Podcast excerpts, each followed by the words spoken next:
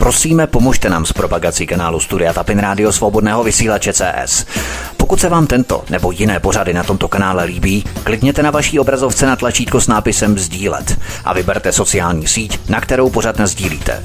Jde o pouhých pár desítek sekund vašeho času. Děkujeme.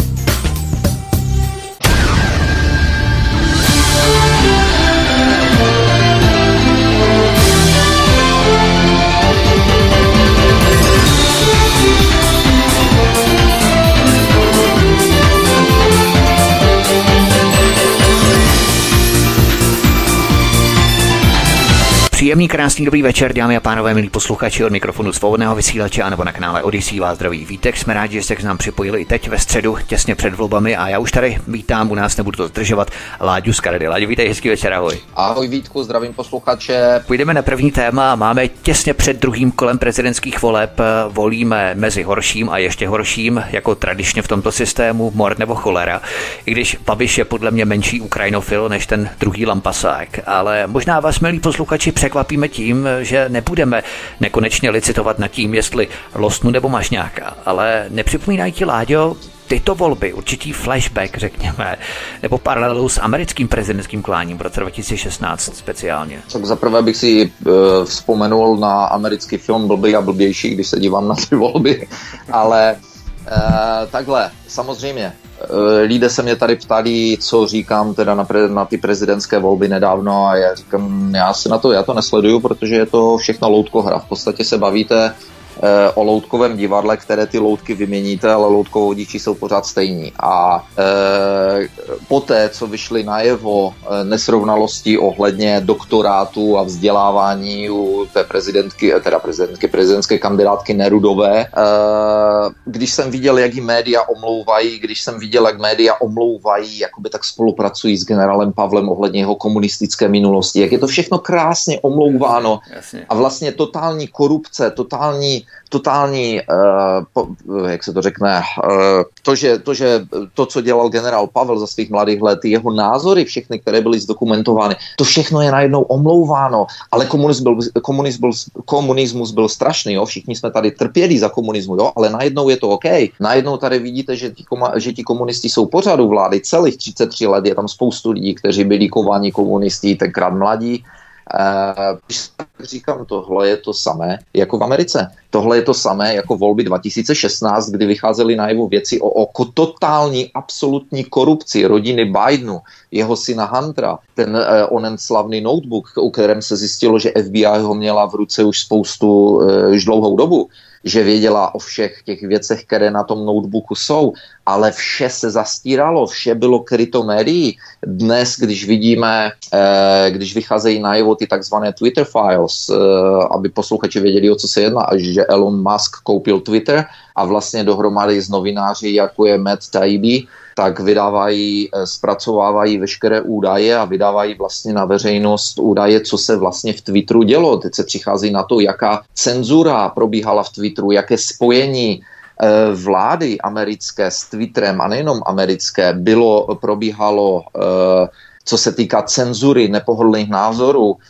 Dnes, podle toho, co jsem viděl, co dodnes vyšlo z těch Twitter files, z těch údajů z Twitteru, tak už je jasné, že v Twitteru byli zaměstnáni agenti, bývalí, anebo, anebo nynější FBI, kteří vyloženě, očividně manipulovali, cenzurovali, e, zavírali účty lidem, kteří by mohli, e, kteří byli prostě proti Bidenovi, kteří poukazovali na onu korupci, kteří poukazovali teď přece New York Times byl z Twitteru sundán, cenzurovan, když začal uh, psát o uh, notebooku Huntera Bidena, že? Takže tady vidíme, že ta, cen, uh, že ta cenzura, že, to, že ty volby 2016 byly jednoznačně, jednoznačně ovlivněny médií a, a konkrétně i Twitterem, dnes máme, vidíme jasnou stopu, jak se manipulovalo veřejné mínění, jak se manipulovaly veškeré posty na Twitteru, jak se vyhazovali, zavírali účty Twitteru lidem, kteří by mohli takzvaně ohrozit uh, demokratickou stranu nebo ohrozit myšlení lidí, kteří byli pro demokraty.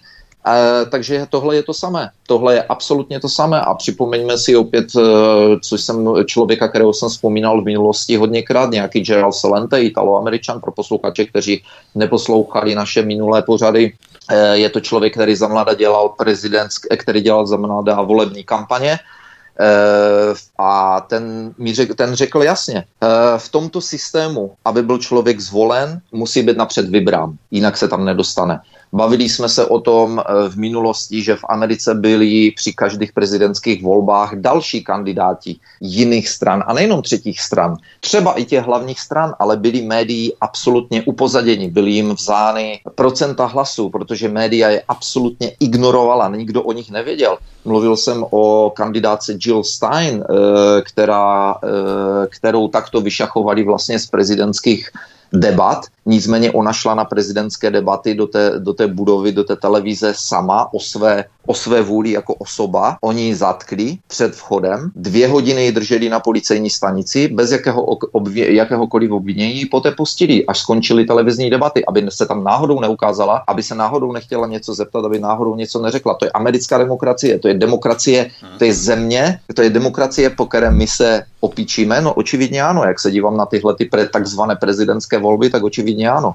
V podstatě všichni američtí prezidenti, a to budu samozřejmě provídat velmi detailně jmenovitě ve všech mých pořadech, které připravuju, tak všichni američtí prezidenti od eh, Kennedyho a dál, tak všichni byli členy Rady pro zahraniční vztahy, založené v roce 1921, spolutvůrce Rockefellerovi, že Rockefellerův klan v podstatě Rada pro zahraniční vztahy a všichni prezidenti, ať demokraté, tak republikáni, tak všichni byli z téže Rady pro zahraniční vztahy, až na několik výjimek. Takže o čem se tady vůbec bavíme? Jo? Přesně tak, je to přesně o čem mluvil ten Gerald Celente, musíš být vybrán, musíš být vybrán systémem a když se podíváme na to, že kolik vlastně potřebuje, kolik je potřeba peněz při každých prezidentských eh, volbách v Americe, eh, když se dívám na financování, kdo, kolik je třeba peněz, tak se to neustále samozřejmě zvedá a zvedá a zvedá. To znamená, pokud nemá za sebou člověk silné peníze, silné peníze, tak nemá absolutně nejmenší šanci se kamkoliv dostat. Vůbec nemá šanci. Ale nejenom silné peníze. Silné peníze budeš za sebou mít, pouze pokud budeš hrát tu, tu notu, kterou se chce, eh, tu notu, která se žádá, že? Hmm. Uh, takže bohužel tady nemůžeme o nějaké demokracii a zastupování lidu absolutně, absolutně vůbec mluvit. Všichni vidíme, eh, co eh, ty témata, které by chtěli jednotliví kandidáti zavádět, ať generál Pavel nebo ta Nerudová nebo podobně, eh, když jsem četl jenom tak zhruba, jak říkám, já se o to nezajímám, protože pro mě to je loutkohra. Pro mě to je absolutně nesměrodatné. Nicméně, když se podívám na ty témata, tak tam je vidět jasná stopa, jasná stopa o něch organizací, které vlastně jsou, jak by se to řeklo, involved, které jsou, za, které jsou zaangažované, zapojené. zaangažovány v prezidentských volbách v jiných západních zemích ty, ty témata e, manželství pro všechny a, a to, co tam začala kvákat Nerudová u těch, po, o těch Tak to už je pase s těmi jejími 13%. Tak, takže tady je vidět, tady je vidět, že prostě tady je vidět ta stopa těch organizací, těch peněz, které prostě si vybírají svoje kandidáty a ti kandidáti musí pěkně pískat, tak jak oni, teda skákat tak, jak oni pískají takže říkám, tohle nemá, tohle už dávno nemá s nějakou tak. demokracií a zastoupením lidu vůbec nic společného. Já jenom připomenu pro posluchače, že v rámci Twitter Files, eh, té kauzy a aféry Twitter Files, eh, soubory Twitteru a v rámci korupce, která se odehrála právě na této platformě, mikroblogovací platformě, jak se dnes moderně říká, tak eh, je to odkaz číslo 6 v popise pořadu na Odyssey, protože bychom to téma lehce přeskočili, my jsme ho tady měli připravené v rámci postupného probídání těch témat, které tady máme na programu, ale to nevadí, tak je to odkaz číslo 6 v popise pořadu na Odyssey. Takže cenzura jako řemen v Americe ve volbách 2020, které musel za každou cenu vyhrát liberální kůň Joe Biden. Mimochodem, co se týče Twitteru, tak my jsme se tu bavili o Petru McCallovovi, o kterém se budeme mluvit ještě v následujících eh, minutách, ale také dříve v našich pořadech o dalším kanadském doktoru Melonovi, tak těm oběma Twitter odbanoval a vrátil jejich účty, stejně jako Donaldu Trumpovi, že? Čili tato kauza odkrývá i tyto věci, že vlastně se vrací Twitterové účty lidem, kteří je měli z nepochopitelného důvodu zablokované. A tato kauza Twitteru se hezky propojuje s covidovou agendou, protože Ono se totiž ukázalo, jak si hovořil o těch agentech, kteří tam pracovali na Twitteru, že Fauciho dcera pracovala v době vypuknutí epidemie COVID na Twitteru, odkaz číslo 7 v popise pořadu na Odyssey. A Elon Musk na to reagoval docela vtipně, protože on pronesl něco jako malý svět, že něco jako small world, že prostě všichni mm. se znají, všichni, všechno je to malý svět. ano, ano, jaká to náhoda, že nacházíme stejné lidi e, v nějakých firmách nebo na nějakých pozicích, kde mohou něco ovlivnit. Ale to samozřejmě nesouvisí, poněvadž eh, Fauci řekl, že to absolutně nemělo, že, že to je úplně jedno, že to nemělo absolutně žádný vliv na jakákoliv média, rozhodování na jakékoliv uh, cenzurování na Twitteru, prostě to vůbec nemělo, prostě jako, do, jako vždy nic s ničím nesouvisí. Samozřejmě. Pojďme ale dál, my si teď od voleb eh, na aranžovaných figurín ve výkladních skříních eh, odpočineme, protože svět se kvůli těmto volbám nezastavil, ale všude se děje tolik věcí, tak abychom to všechno stihli. Ty jsi v Kanadě strávil zhruba 15 let a tak si si k ní vytvořil určitý vztah a proto události, které se tam odehrávají, intenzivně sleduješ i spoza oceánu. V první části se podíváme právě na Kanadu. Jak všichni vědí, události, které se na druhé straně Atlantiku spouštějí, se výhledově kopírují přes velkou louži sem k nám do Evropy. A proto by nás rozhodně měli znepokojovat a měli bychom být ve střehu. První informace se týká protestujících z takzvaného konvoje svobody. Tam si vzpomínáme, že byl konvoj kamionů, obrovský konvoj, který protestoval proti povinnému očkování proti covidu, odkaz číslo jedna v popise pořadu na Odyssey. A vypadá to, že neofašisté v Kanadě se začínají mstít, že jim to nevyšlo, protože ředitelé bank v Kanadě se rozhodli k bezprecedentnímu kroku. Co se tam děje kolem těchto protestujících cestujících z konvoje svobody? Eh, tak to nutno říct, že eh, toto, o čem budeme mluvit, se dělo během těch protestů a tedy následně po, to využila vláda. Eh, když jsme se o tom bavili v minulých pořadech, tak prostě a dobře lidé začali přispívat během těch protestů minulý rok tak lidé začali přispívat na, posílat na účty peníze, na to, aby se tam dodalo jídlo, palivo a tak dále těm kamionákům, že organizátoři byli jakoby oficiální dva. Eh, z toho jedna organizátorka je v podstatě jakoby a jak se to řekne, indiánka kanadská původem, takže jeden by si řekl, že s ní budou zacházet opatrně, nicméně s ní, za, nicméně s ní zametlí, jak by se, jak, jak by se nejednalo o, něk, o nějakou jako by takhle eh, minoritu, eh, za, zavírali tam na schvál, prostě dělali, dělali šílené věci. Prostě takže nesouhlas s covidem přečíslí nebo je předřazený před eh, obvinění z rasismu, jo? Tak, Když tak je covid a potom je, tvo, a potom, potom je, je tvoje indiánská ta. Jasně. A Eh, takže, eh, takže lidé během, toho, během toho těchto protestů posílali peníze. A mám známé, kteří posílali třeba jenom 20 dolarů, No a, a potom vláda přišla na taktiku, že prostě těmto lidem bude zmražovat jejich bankovní účty. Komukoliv, kdo poslal i třeba 20 dolarů na ten, na ten protest, tak jim prostě za, a dobře vláda z, a z, ve spolupráci s bankama zmrazí účty a tito lidé budou vyšetřováni. Pro, poněvadž e, vlá, postoj kanadské vlády byl, že takovéto protesty jednoznačně absolutně ohrožují bezpečnost Kanady a demokracii a život životy lidí a zdraví lidí a bla, bla, bla, bla, bla. Prostě a dobře, je to něco neslychaného, co si nesmí nikdo nikdy dovolit v demokratické zemi a e, proto je třeba tyto lidi okamžitě e, zastavit. Bavili jsme se o tom, že vlastně po těch protestech se vláda mstila tím způsobem, že o něm kamionákům, kteří se těch protestů zúčastnili, že samozřejmě všem byli všichni byli ve evidenci, protože policie si zapisovala, zaregistrovala jejich SPZky, a tak dále, takže potom jim začali, eh, potom těmto kamionákům začali eh, pojišťovny vypovídat pojistky na jejich biznis, takže najednou jste měli doma kamion a nikdo vám ho nepojistil. Začali jim eh, sbírat města nebo, nebo vláda, státní organizace jim začaly sbírat biznis, licence na biznis, živnostenské listy, dá se říct. Hmm a tak dále a tak dále, že? No a lidem zmrazili prostě účty, takže pokud jste poslali 20 dolarů nebo chtěli zmražovat ve velkém účty, pokud jste poslali 20 dolarů na kamionáky, tak najednou jste zjistili, že vám nefunguje bankovní karta, nefunguje vám eh, k tomu připojená kreditní karta, může nemusí a tak dále a tak dále, že doma nikdo hromady eh, cash, hromady hotovosti nemá. Všichni jsou zvyklí platit v Kanadě kartou, anebo když potřebují nějakou hotovost, tak si zajdou do, do bankomatu takže jste se najednou, najednou jste zjistili, že jste bez peněz.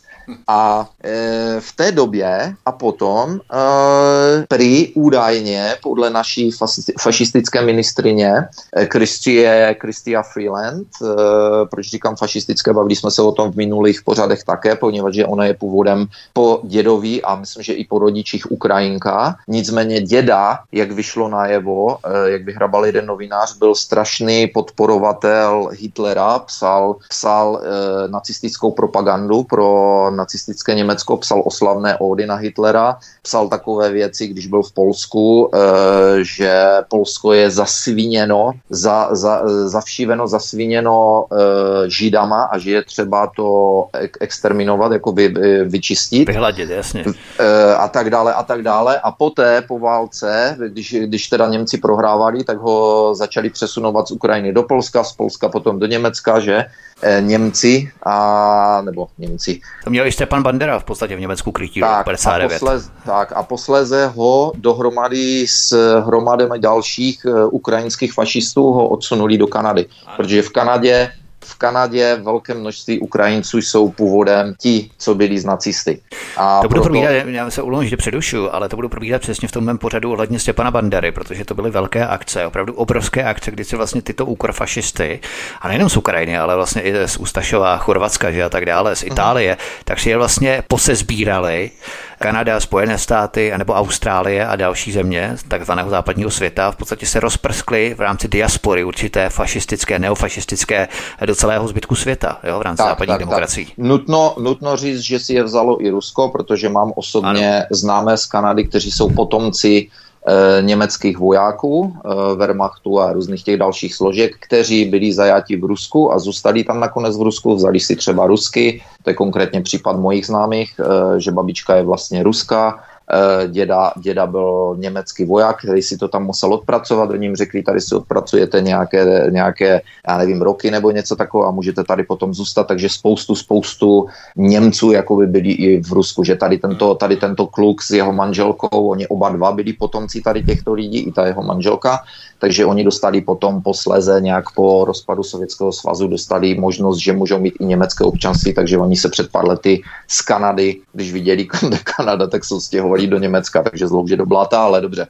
A takže tady to jsme se to jsme odbočili od těch bank. Ano. Takže eh, ona Kristia Freeland řekla, že prostě dostala požadavek od ředitelů bank kanadských, že by se měli pro příště tito, tito lidé, kteří finančně podporují ča- svými částkami uh, různé protesty v Kanadě, něco jako ty kamionácké protesty, že by se měli automaticky dezignovat jako, jako teroristi. To znamená, jakákoliv částka, kterou pošlete na jakékoliv protesty v Kanadě, by znamenala automaticky podpora terorismu. To znamená, že vám můžou zavřít účet, vyzbírat z něho peníze, poněvadž by to bylo automatické obvinění z terorismu. Takže ať tam máte peněz, kolik máte peněz, tak vám to v rámci zákona boje e, proti financování terorismu a land, e, čištění peněz a e, praní peněz a tak dále, tak by vám mohli ten účet třeba i zebrat. A nebudete mít nic. A ne, nejenom, že vám zeberou účet, ale pak vás začnou vyšetřovat a můžou vás i zavřít. Hmm. Takže tohle to prý údajně podpo, eh,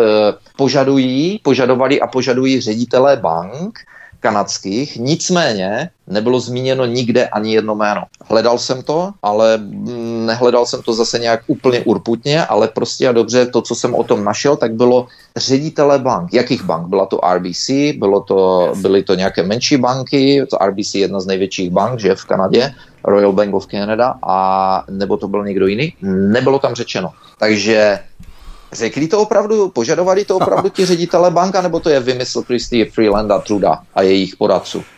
Tohle je ten výhledový trend, který se snaží zavádět i v Evropě. Když spácháš něco, co se vládám nebude líbit a můžou tě označit za teroristu a tím pádem si zločinec, příliš tvrdě kritizuješ vládu nebo nedej Bůh aktivně protestuješ proti vládě, tak si terorista. Uvádíš informace z nějakého takzvaně proruského média, si terorista. Nechceš milion Ukrajinců v Česku, si terorista. Protestuješ proti covidu, si terorista. Tohle je ten záměr, ale mě na té zprávě z Kanady zaujalo, že to, aby byli protestující z konvoje svobody označení za teroristy, tak to navrhují ředitelé bank, jak si říkal, bez jména, ale nikoli vláda samotná. A to je další trik, který na nás systém zkouší, protože když někdo obviní vládu, že likviduje opozici, kterou označí za teroristy, tak vláda se ohradí, to my ne, to ředitelé bank to chtějí, aniž by tedy uvedli nějaké jméno ředitele banky.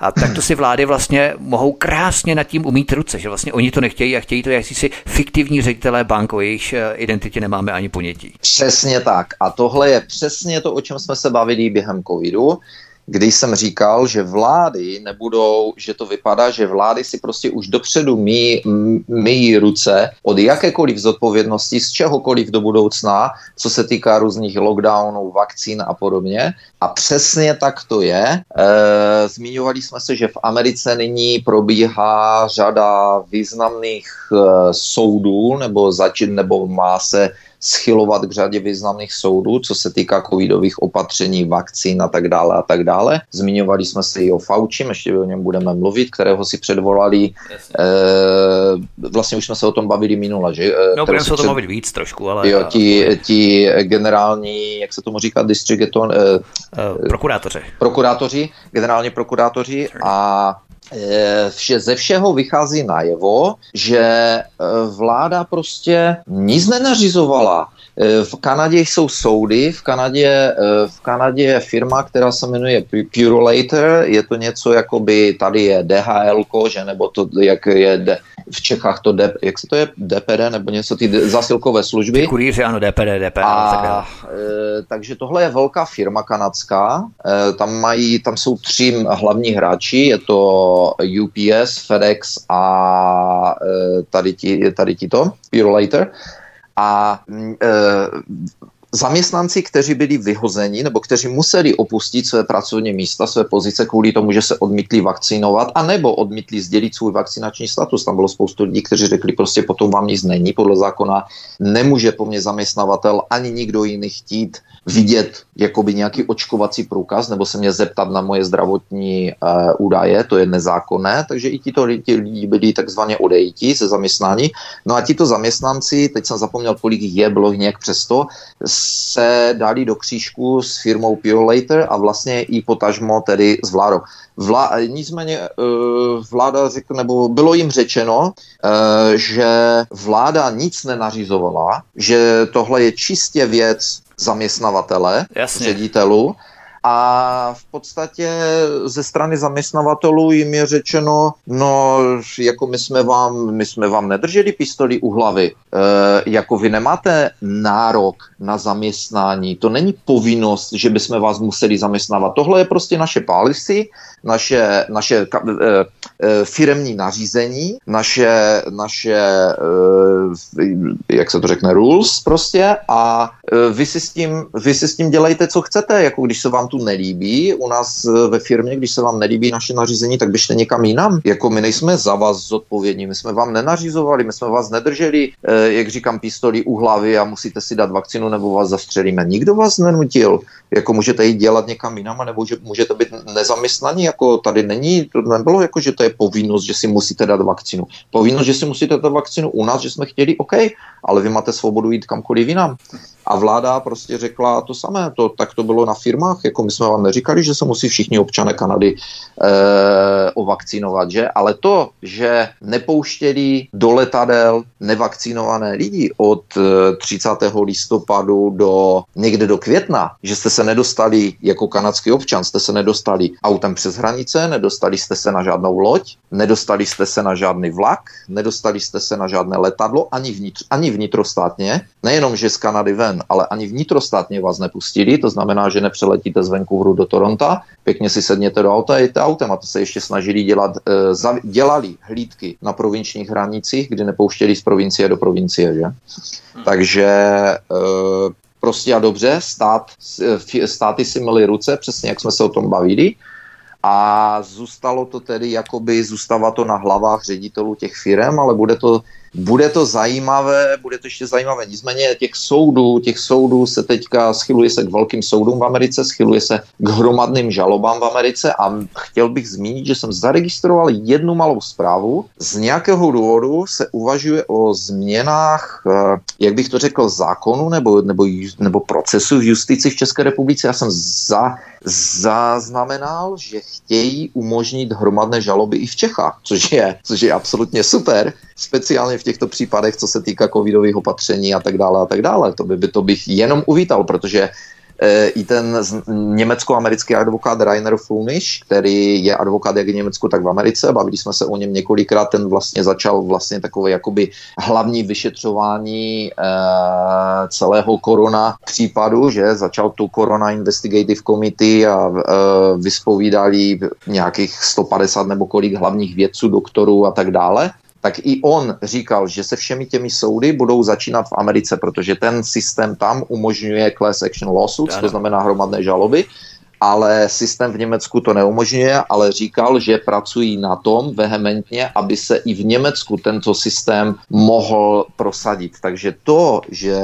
to chce někdo prosadit v Čechách, je velice zaražející pro mě, ale velice dobrá zpráva také. No oni, jak se snaží opičit právě o tom všem americkém, tak uh, oni už před několika lety vyjeli do Ameriky na stáž absolventé International Visitors Leadership, což je vlastně kurz stáže v Americe, kdy tam jedou na tři týdny nebo dva, tři týdny zhruba a v rámci toho svého oboru se tam dávají do debaty, mají tam připravené předem takový okruh se zainteresovanými osobami, se kterými se pouští do debaty a kteří jim vysvětlují, jak to všechno funguje. Tak tam jeli právě lidé z Českého spravedlností občíhnout si a zjišťovat, jak vlastně ten zákon o hromadné žalobě funguje, tak aby ho mohli aplikovat a včlenit do české legislativy tady v České republice podle toho amerického modelu a vzoru. A to bylo někdy před, já nevím, jestli pěti lety absolventů International Visitors Leadership tam jeli právě do Spojených států, to ještě nebyl zdaleka covid a neviděli, že se jim to vlastně vymstí tohle. Jo. To znamená, že když to oni budou chtít zavádět, tak to vlastně si předem vykopali hrob, předem si vykopali jámu v rámci těchto hromadných žalob, pokud to tedy bude zavedené v České republice. Právě, právě to mě šokovalo, protože právě já jsem si říkal, jako proč by to někdo dělal sám proti sobě, proč by to systém dělal, dělal sám proti sobě. Jediné mé vysvětlení je, že lobby advokátní advokátů je tak silná, eh, že by si toto chtěli prosadit, protože dejme ruku si ruku na srdce, Eh, toto je něco, po čem každý advokát touží. Ano. Eh, já jsem teď eh, byl nechtěně svědkem tady v České republice takového zvláštního případu, kdy jsem byl u několika jakoby soudních stání se jenom tak podívat. A mluvil jsem s teď docela dost advokáty a zjišťuju, co to tady je za absolutní džungli v soudním systému a je to velice eh, strašidelné, protože v podstatě jsem zjistil, že tady nemáte zastání. Nemáte zastání a ten systém je kompletně skorumpovaný. Nicméně, to je jedno. Uh, takže, takže každý advokát, každý advokát tady uh, se dívá na, na případ, na případného klienta z finanční stránky, že jo? Každý si musí platit tu kancelář, každý si musí platit ty svoje uh, asistenty nebo další advokáty v kanceláři a tak dále a tak dále. E, nicméně e, je to pro spoustu lidí nedosažitelné, jestli si advokát tady účtuje někde 5 až 9 tisíc korun za hodinu, tak to je jako bohužel nedosažitelné pro spoustu lidí. Tudíž spoustu případů se řešit nebude a advokáti přicházejí o spoustu potenciálních příjmů. Nicméně, když budou hromadné žaloby povoleny, tak jako v Americe, tak třeba dejme tomu díky tomu covidu, kdyby došlo tady k žalobě, že se neměly dělat určitá opatření, že se třeba neměly nařizovat masky a nyní to, e, protože nyní v prosinci vyšla e, další z oficiálních studií, prověřených opravdových vědeckých studií, která potvrdila, která byla celosvětová a potvrdila, že masky ani ty slavné respirátory N95 nemají absolutně žádný vliv na rozšiřování jakýchkoliv vírů. Prostě a dobře jsou nefunkční. A právě naopak e, způsobují spoustu jiných problémů, mezi nimi i reinfekcí a tak dále a tak dále. Takže když by, když by někdo z těchto advokátů chtěl napadnout tady toto rozhodnutí ministerstva vnitra, tak by to teď mohl dělat nyní pouze na základě jednoho jediného člověka, který by podal žalobu a bylo by to tak nadlouho, že by ten, člo, že ten člověk bude muset být milionář, aby vůbec uspěl, aby vůbec se někam prodral, možná. Nicméně, když budou hromadné žaloby, podá se to, eh, advokáti dají tak, jak v Americe dají inzerát do novin, eh, jestli vám někdo umřel, byl poškozen nebo bla, bla, bla, kvůli nějakým covidovým opatřením, přihlašte se, my si s váma uděláme pohovor, ano, ano, výborně, tady, tady ano, kvalifikujete se, nazbírají si 100, 200, tisíc lidí, a budou v tom případě soudit stát a ti lidé, pokud jim vysoudí nějakou škodu, tak dostanou rozdělenou tu škodu. Většinou to ale je, že z těch hromadných žalob ve velké většině ti lidé dostanou pár švestek. Advokáti, advokáti to milují, mám známého v Houstonu, který je bývalý eh, mechanik Formule 1 pro tým McLaren a má svůj, má svůj, svůj autoservis jakoby pro, ek, exkluzivně pro drahé auta Lamborghini, Ferrari pro prachače a ten mi říkal, kdybych šel kdyby šel do důchodu, kdyby chtěl jít do důchodu, jenom si tak něco tady šmrdlat v garáži, tak říkal, tak mám advokáta jednoho, kterému spravujeme auta e, a ten, ten advokát právě byl jedním z těch, kteří byli e, součástí týmu advokátního, e, kteří soudili Philip Morris a v, v tabakové firmy. Onen známý, známý soud, kdy vysoudili šílené peníze Eh, kdy vlastně tabakové firmy položili na kolena u toho soudu. No a tento advokát si za část své provize koupil sedm různých Ferrari, každé na jeden den. A takže, takže advokáti tady toto milují, že ten můj, ten můj známý říkal, říkal prostě, já bych mohl jenom, jenom že se budu, že mu budu dělat dvorního mechanika, že mu budu dělat údržbu na těch Ferrari, říkal, tak budu mít velice pohodlný důchod jako zařízený, jo, kdybych chtěl. Takže advokáti, ty, ty class action lawsuits, ty hromadné žaloby absolutně milují, protože oni jsou ti, kdo na tom vydělají nejvíce peněz. Lidé e, nic moc, ale zase z druhé strany dosáhne se tímto, že jsou ty hromadné žaloby povoleny, tak tím se dosáhne velkých změn, že? Protože tabakové firmy musely vycouvat do kolik let, a tady je krásná, krásný příklad toho, jak můžeme věřit vědě a doktorům a vědcům, kolik let nebo kolik desetiletí se v Americe propagovalo že kouření vám pomáhá, kouření vám zjemní krk, kouření pomáhá na spoustu nemocí. A 9 z 10 lékařů doporučuje Camel. Jasně a tak dále a tak dále. Kolik desítek let se toto protlačovalo, doktoři v bílých pláštích na televizi, eh, ministerstvo zdravotnictví americké doporučovalo, schvalovalo, není vůbec žádný problém s tím. Takže tento, eh, takže za prvé tady vidíme, jak můžeme věřit vědě lékařům mm-hmm. a tak dále, ale za druhé, eh, díky tomu, že jsou class action lawsuits, ta, tyto hromadné žaloby, tak díky tomu vlastně byl tento, tato industrie tabáková zastavena a přinesla se nějaká změna. Kdyby ty hromadné žádné žaloby nebyly, tak by to musel soudit nějaký americký milionář a kdo ví, jak by to dopadlo, protože ty tabákové firmy budou mít dohromady daleko víc peněz než nějaký multimilionář americký, takže by ho v pohodě usoudili. Takže ty class action laws, ty hromadné žaloby, pokud budou v Čechách umožněny, jedině můžu zatleskat, zatleskat. Přesně tak, to ještě uvidíme, jakým způsobem se to bude vyvíjet, protože oni si samozřejmě uvědomí, že to může být potenciální nebezpečí vůči něm, takže eh, třeba zbrzdí tu iniciativu v rámci začlení eh, hromadné žaloby do české legislativy, ale to všechno ještě uvidíme. Pojďme na další téma, které tady máme připravené. V Kanadě se totiž chystá dosud nejbrutálnější osekání svobody slova na internetu. Otava chce regulovat online obsah a tím ohrožuje svobodu projevu. Tak to bíjí na poplach všichni odborníci v Kanadě. Odkaz číslo 2 v popise pořadu na Odyssey. O co jde? Protože pokud to vyjde, tak to bude logicky tvořit precedens i pro ostatní země, včetně Evropské unie, nehledě k tomu, že tady už ty procesy jsou také v plném běhu, v plném proudu. Ale o co jde v té Kanadě? Co, co tam chtějí udělat? Eh, je to, jmenuje se to Bill C10, to je jakoby návrh zákona CT, C10. Uh, o tomto už se mluví dlouhou dobu, je to prostě uh, dobře jednoduchá, jednoduché zlegalizování cenzury.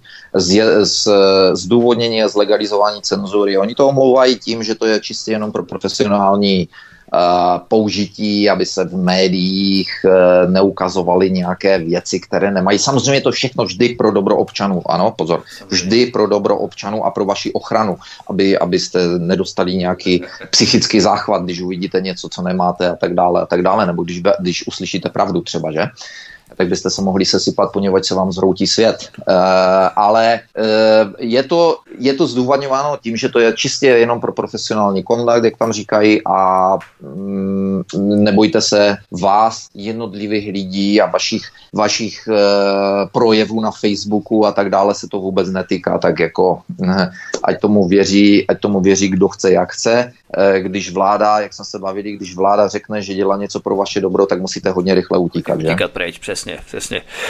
Takže ty změny zákona by umožnily kanadské komisi pro rozhlasové, televizní a telekomunikační vysílání regulovat obsah vytvářený uživateli a nahrávaný na platformy sociálních médií, podobně jako nyní reguluje rozhlasové a televizní vysílání nebo rozhlasové a televizní obsah.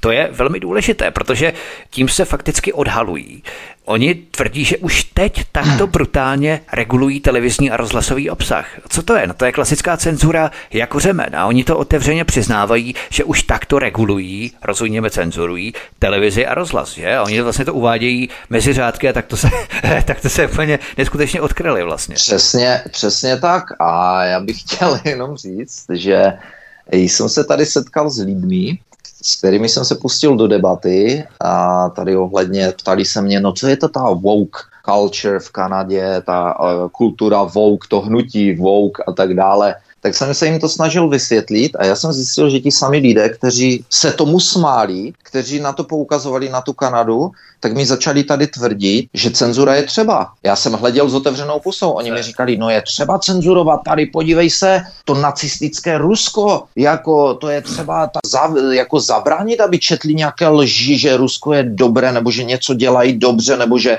nebo že uh, možná stojí za něčím někdo jiný než Rusko a tak dále. Já na ně hledím. Já jsem říkal, OK, takže teď, teď, uh, protože se mě ptali, jak můžou Kanaděni souhlasit s tou woke culture, kulturou. A já říkám, no protože oni si to ani neuvědomí, že jsou toho součástí. A on se tomu směje a najednou mi začne říkat úplně tady toto to samé. Já mu říkám, takže ty jsi, ty jsi součástí té woke kultury, jakoby ty jsi součástí toho, že, pro, že, uh, že tady prosazuješ, že vlastně cenzura je dobrá. A já vždycky tady těmto lidem říkám, počkej, počkej, jestli tomu dobře rozumím.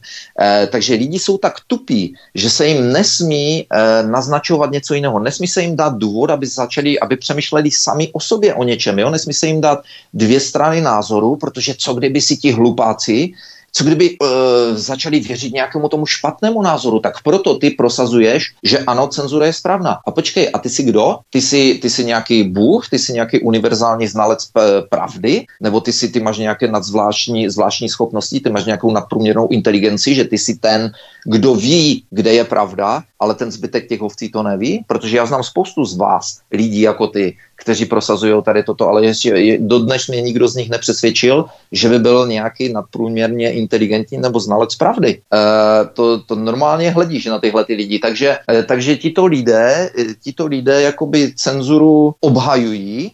Takže oni v Kanadě takto brutálně chtějí začít zasahovat i na sociální sítě. Mně se hrozně líbí to zdůvodnění, když budu citovat část toho zdůvodnění, jo, protože to je opravdu kouzelný a to bychom měli taky znát. Kanaděné stále více konzumují hudbu, filmy, televizní pořady, videa a podcasty buď online, anebo prostřednictvím mobilních aplikací. Cílem je podle vlády zajistit, aby digitální streamovací služby přispívaly k tvorbě, produkci a propagaci, a teď pozor, kanadského obsahu. to jsou takové hlody, že se člověk opravdu může smát, jak se to veřejnosti snaží zjemnit a zlehčit. Mně se hrozně líbí ten kanadský obsah, že vlastně oni budou chránit, tou cenzurou budou chránit kanadský obsah. Ano, ano, ano, přesně tak. A to je to, o čem uh, bavili jsme se před nějakou dobou o tom, že si kanadská vláda stěžovala, že občané nedůvěřují kanadské vládě, že nedůvěřují médiím, že mají pochybnosti o tom, co jim vláda a média tvrdí a že je to velice stra, jakoby a nebezpečný, nebezpečný jev, proto, ztráta důvěru ve vládu a v média a co s tím teda budou dělat, řešili, jo. A e, mimo jiné, když bydlíte v Kanadě, tak zjistíte, že speciálně Trudeau teď neustále mluví o kanadských hodnotách. Ty kanadské hodnoty, to je ono, kanadské hodnoty. Diverzita je naše síla. Ty, ta, to všichni, jako když jsme tady multikulty ze všech možných zemích, tak to v tom je naše síla, jo? To je třeba jedna z věcí. A tak zajímavé, jak jsme, my jsme se taky bavili o tom, že ti politici začnou jako přes kopírák chrlit stejnou frázi v nějakých variacích. Samozřejmě. A tady se hovoří právě o evropských hodnotách, pořád evropské hodnoty, tam kanadské hodnoty. Jo, že to je zajímavé, že v jednu dobu nějak paralelně ti politici začnou chrlit stejné fráze, jako najednou, jako přes kopírák. O tom jsme se bavili mi, eh, hodněkrát v souvislosti jo. například s covidem, kdy jsem říkal, že plus minus jeden, dva až tři dny začínají všichni chrlít uh, stejné, stejné pro, že mají stejné proslovy, stejné problémy a tak dále. Jasně. To je, uh, bav, nebavili jsme se o tom minule, když jsem říkal, že je zajímavé o té energetické krizi takzvané, že když se očekávají blackouty a tak blackouty, dále. To znamená, že v Kanadě, je, která je soběstačná, tak, tak tam taky jedou tu agendu. Tak, Kanada, která je soběstačná, jak je možné, že tam mají zase blackouty? A podívejme se třeba teď na takzvanou ptačí chřipku, ano, když tady nařídili v Čechách, že nesmíte pouštět ven slepice, jinak dostanete 100 000 korun pokutu, že slepice musí sedět vevnitř a tak dále a tak dále, že vyjadřila se k tomu i Sonja Pekova, že to je absolutně nesmysl, aby slepice chytla nějakou chřipku od nějakého ptáka, který letí nahoře, prdne si a slepice to sežere a vychcípa celé stádo. Jako jo. Říkala, že to prostě takhle nefunguje. No ale věc byla ta, mimo jiné, mimo jiné si myslím, že se asi zvedl strašný řev, protože tady vykřikovali, jak budou všem lidem dávat pokuty, jestli uvidí slepici venku a najednou to utichlo a slepice jsou pořád venku, takže si myslím, že asi zjistili, že trochu přestřelili, že by proti tomu byl velký odpor, nebo kdo ví, co se stalo.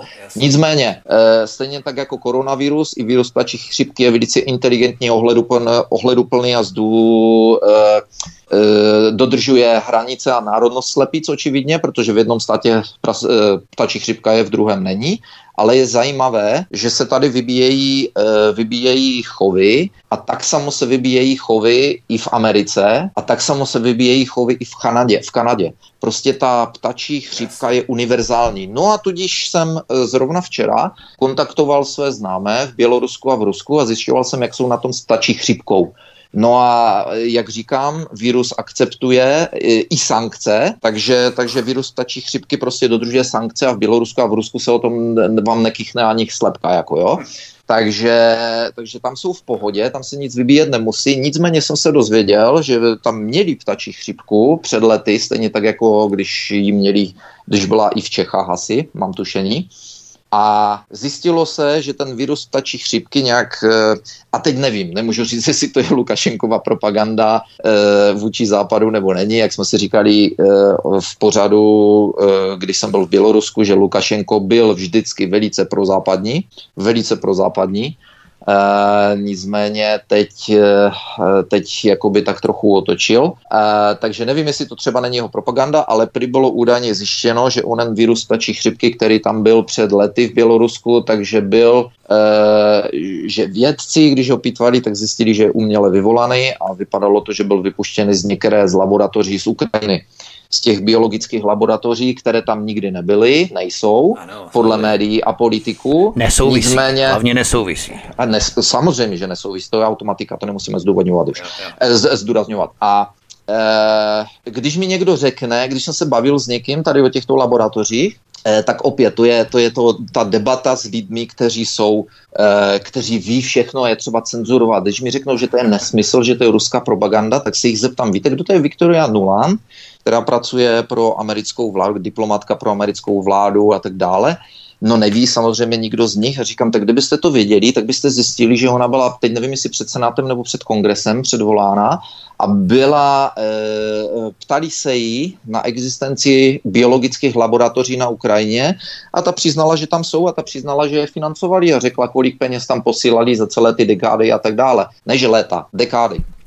Tam byla ještě totiž zaangažovaná Bidenova firma, mladého Antra Bidena právě v rámci financování těch biolaboratoří. Teď si nevypovíme jméno, mám to tady v poznámkách, jo. to znamená, že ti američané to financovali opravdu ve velkém ty biolaboratoře na Ukrajině. Ano, nejenom tam, to jsme se o tom tenkrát také bavili, kdy ten uh, profesor Doyle řekl, že, nebo ano. Boyle, Francis Boyle, Boyle. řekl, ano. že pracuje někde, já jsem si myslel, že to bylo 22 tisíc, pak jsem to četl někde, tak to má být 15 tisíc, dobře, plus minus autobus uh, vědců uh, ve světě světě amerických, kteří pracují na e, smrtonosných vírech, na, na vírech, které jsou velice nebezpečné, které se dají e, e, použít jako zbraň biologická a tak dále. A on říká, proč? Z jakého důvodu? Z jakého důvodu? Tak samozřejmě, oni jsou v různých jiných zemích, protože spoustu z toho výzkumu se nedá dělat na území Spojených států, tak samo, jak se nedal, nedal e, nadopovat vír z netopíra, že jo, museli to dělat ve Wuhanu, a e, takže kvůli, tele, kvůli legislativě nemůžou tyto výzkumy těchto smrtonosných patogenů viru dělat ve Spojených státech, tak je dělají v některých zemích, kde když to pšoukne, no tak se nic neděje, ne? tak vychcípají tam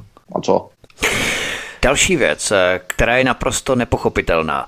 Ze všech zemí G8 je Kanada jedinou zemí, která zakazuje výrobu syrového mléka určeného k prodeji, přepravu a konzumaci nepasterizovaného mléka. Odkaz číslo 3 v popise pořadu na Odyssey. Naprosto nechápem, já jsem to do dnešního dne taky nevěděl. Co je to zase za stupiditu, když budeš v nějaké vesnici nebo městečku prodávat svoje nadojené mléko ze svých vlastních kráv, já nevím, sousedům nebo v městečku, tak to v Kanadě už nesmíš? Uh, já jsem se s tím setkal v Americe, když jsem žil předtím v Americe, že, protože jsem před Kanadou jsem žil v Americe, takže s tím já jsem se setkal v Americe a právě mě zaráží, že by měla být jedna, že by měla být jedinou, eh, protože v Americe je to to samé, tam se nesmí, tam je to trestné. Jestliže, jestliže a eh, byly i videa na internetu z, z dávných prošlých let, kdy některý farmář třeba prodával syrové mléko a vtrhl tam normálně SWAT tým z, z, z, zbraněma, jako jak by byl nějaký drogový dealer, jako jo. SWAT tým pro je, eh, SWAT tým je zasahovka pro e, posluchače, kteří to neví. Takže normálně tam vtrhla zasa, zasahovka, samopaly, pistole namířené na zem se všem a tak dále, jak by, jak by tam byl pa, Pablo Escobar a ne nějaký farmář. Takže tohle to probíhalo už ve Spojených státech a já si myslím, že to je součást, eh, že to je prostě a dobře součást lobování eh, velkých agrikulturálních, nebo jak se tomu řekne, jako eh, industrií, korporací, Jasně. které prostě a dobře chcou dostat vše pod svoji kontrolu. Mimo jiné ta ptačí chřipka, to vybíjení slepic, prasičí chřipka, bla, bla, bla, vybíjení stát. Bavili jsme se v některém z našich pořadů, kdy v minulém roce, myslím, že to bylo v roce 2022, na začátku během jara a tak dále, kdy chytali plamenem jedna, jedna firma za druhou, které produkují potraviny ve Spojených státech. Tak Tucker Carlson na Fox News o tom mluvil a říkal, že to je prostě, že jsou určité věci, které, eh, které se mohou stát, ale že prav, uh, probability uh, Pravděpodobnost. Pravděpodobnost, pravděpodobnost. Takovýchto věcí, že by se začaly dít, že by začala chytat jedna fabrika za druhou a že by někde, kde je nějaká proce- eh, firma, která třeba vyrábí, já nevím, brambory nebo něco, eh, teda jako dává brambory do něčeho, které uprostřed polí není nikde nic jiného a letí malá cesna a ta malá cesna dostane problém s motorem a vletí přímo do té hlavní budovy, přímo tam, kde se rozhoduje a prostě celá budova zhoří. Já, všude kolem mohl přistát. Mohl přistát kdekoliv na poli. Je, ne, jasně. on se trefil přímo do těch hlavních kanceláří, že? Tady, tady se nám hned e, naskytne příležitost e, přemýšlet nad 11. zářím a nad budovou číslo 7, kde byly, která spadla sama od sebe 23 minut, 23 minut poté, co to bylo ohlašeno v médiích, že? A v které bylo spoustu materiálů FBI, CIA a tak dále, které zmizely a spoustu vyšetřování e, skončilo. Takže e, takže e, to, to, tyto, tyto nehody, takzvané v uvozovkách ve Spojených státech, firm, které produkují potraviny, toto vybíjení Eh, živočich, živočichů jako eh, toho livestock, jak se tomu řekne, eh, to, těch zvířat domácích, všude po celém světě, tak si myslím, že je zcela jasný záměr. Nevím, kdo to řekl, řekl to Henry, Henry Kissinger, když budu kontrolovat potraviny, budu kontrolovat lidi. Eh, Rockefeller, myslím, řekl, dejte mi, dejte mi možnost eh, tisknout peníze a budu kontrolovat země, jako jo, ale, ale Kissinger, myslím, řekl něco takového o potravinách, že jenom díky, díky přísunu nebo omezování potravin se budou, lidi budou dělat absolutně všechno, co jim bude řečeno. Možná, že je tohle agenda, ale možná, že je to čistě agenda velkého industriálního biznisu, zlikvidovat jakékoliv menší farmy, což mi bylo řečeno v Kanadě, když jsem, tam, když jsem se tam přistěhoval, tak jsem se tam dal do, do debaty s farmáři, kteří prodávali farmu manželek, ke kterým jsme chodili na bodovky. A já jsem, se jich, já jsem se jich začal ptát, teda a říkám, no a jak je to tady s farmářstvím v Kanadě? Jako, e, byl to sen e, spousty lidí, že kdysi odej v 60. letech odejít do Kanady a založit tam farmu, protože Kanada nabízela prostě emigrantům zdarma zemi, pozemky a tak dále, a tak dále.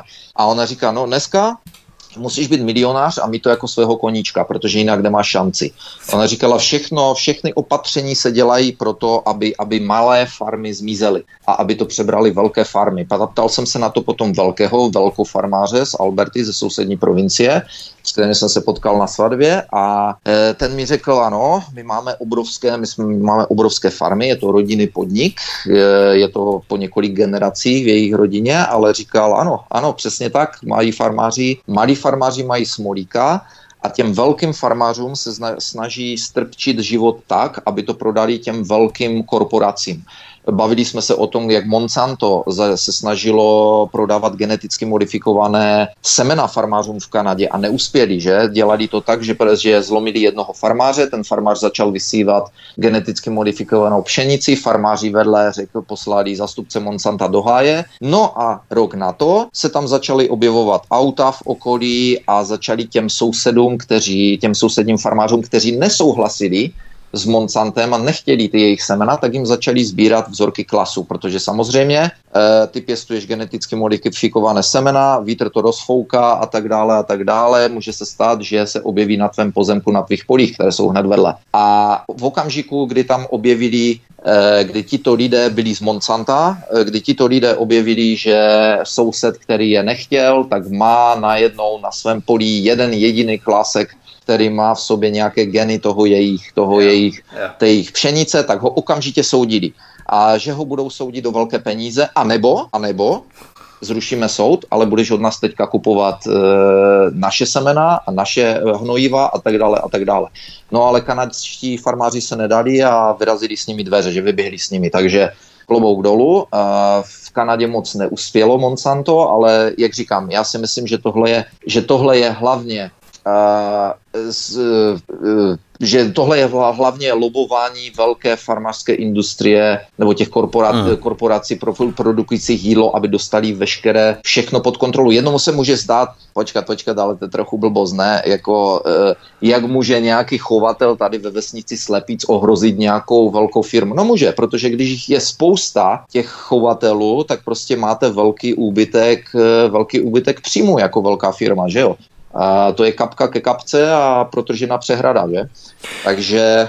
A to se takže... dělalo vlastně od roku 2010 v rámci syntetického zdravotnictví nebo syntetizovaného zdravotnictví. Tady v Americe třeba před rokem 1910 tak byla standardní přírodní léčba, piliny a ano. alternativní léčba a tak dále, ano. úplně normální a oni to vlastně postavili díky Rockefellerovi, který začal se výrazně angažovat právě ve zdravotnickém průmyslu, na farmacii, tak postavili všechno tohle mimo zákon, označili je za šarlatány, postavili to všechno mimo zákon, nahradili to vlastně léky farmací, to znamená syntetizovaným zdravotnictvím, syntetizovanými léky, místo těch přírodních, zdravých, uh, přirozených léků. Jo?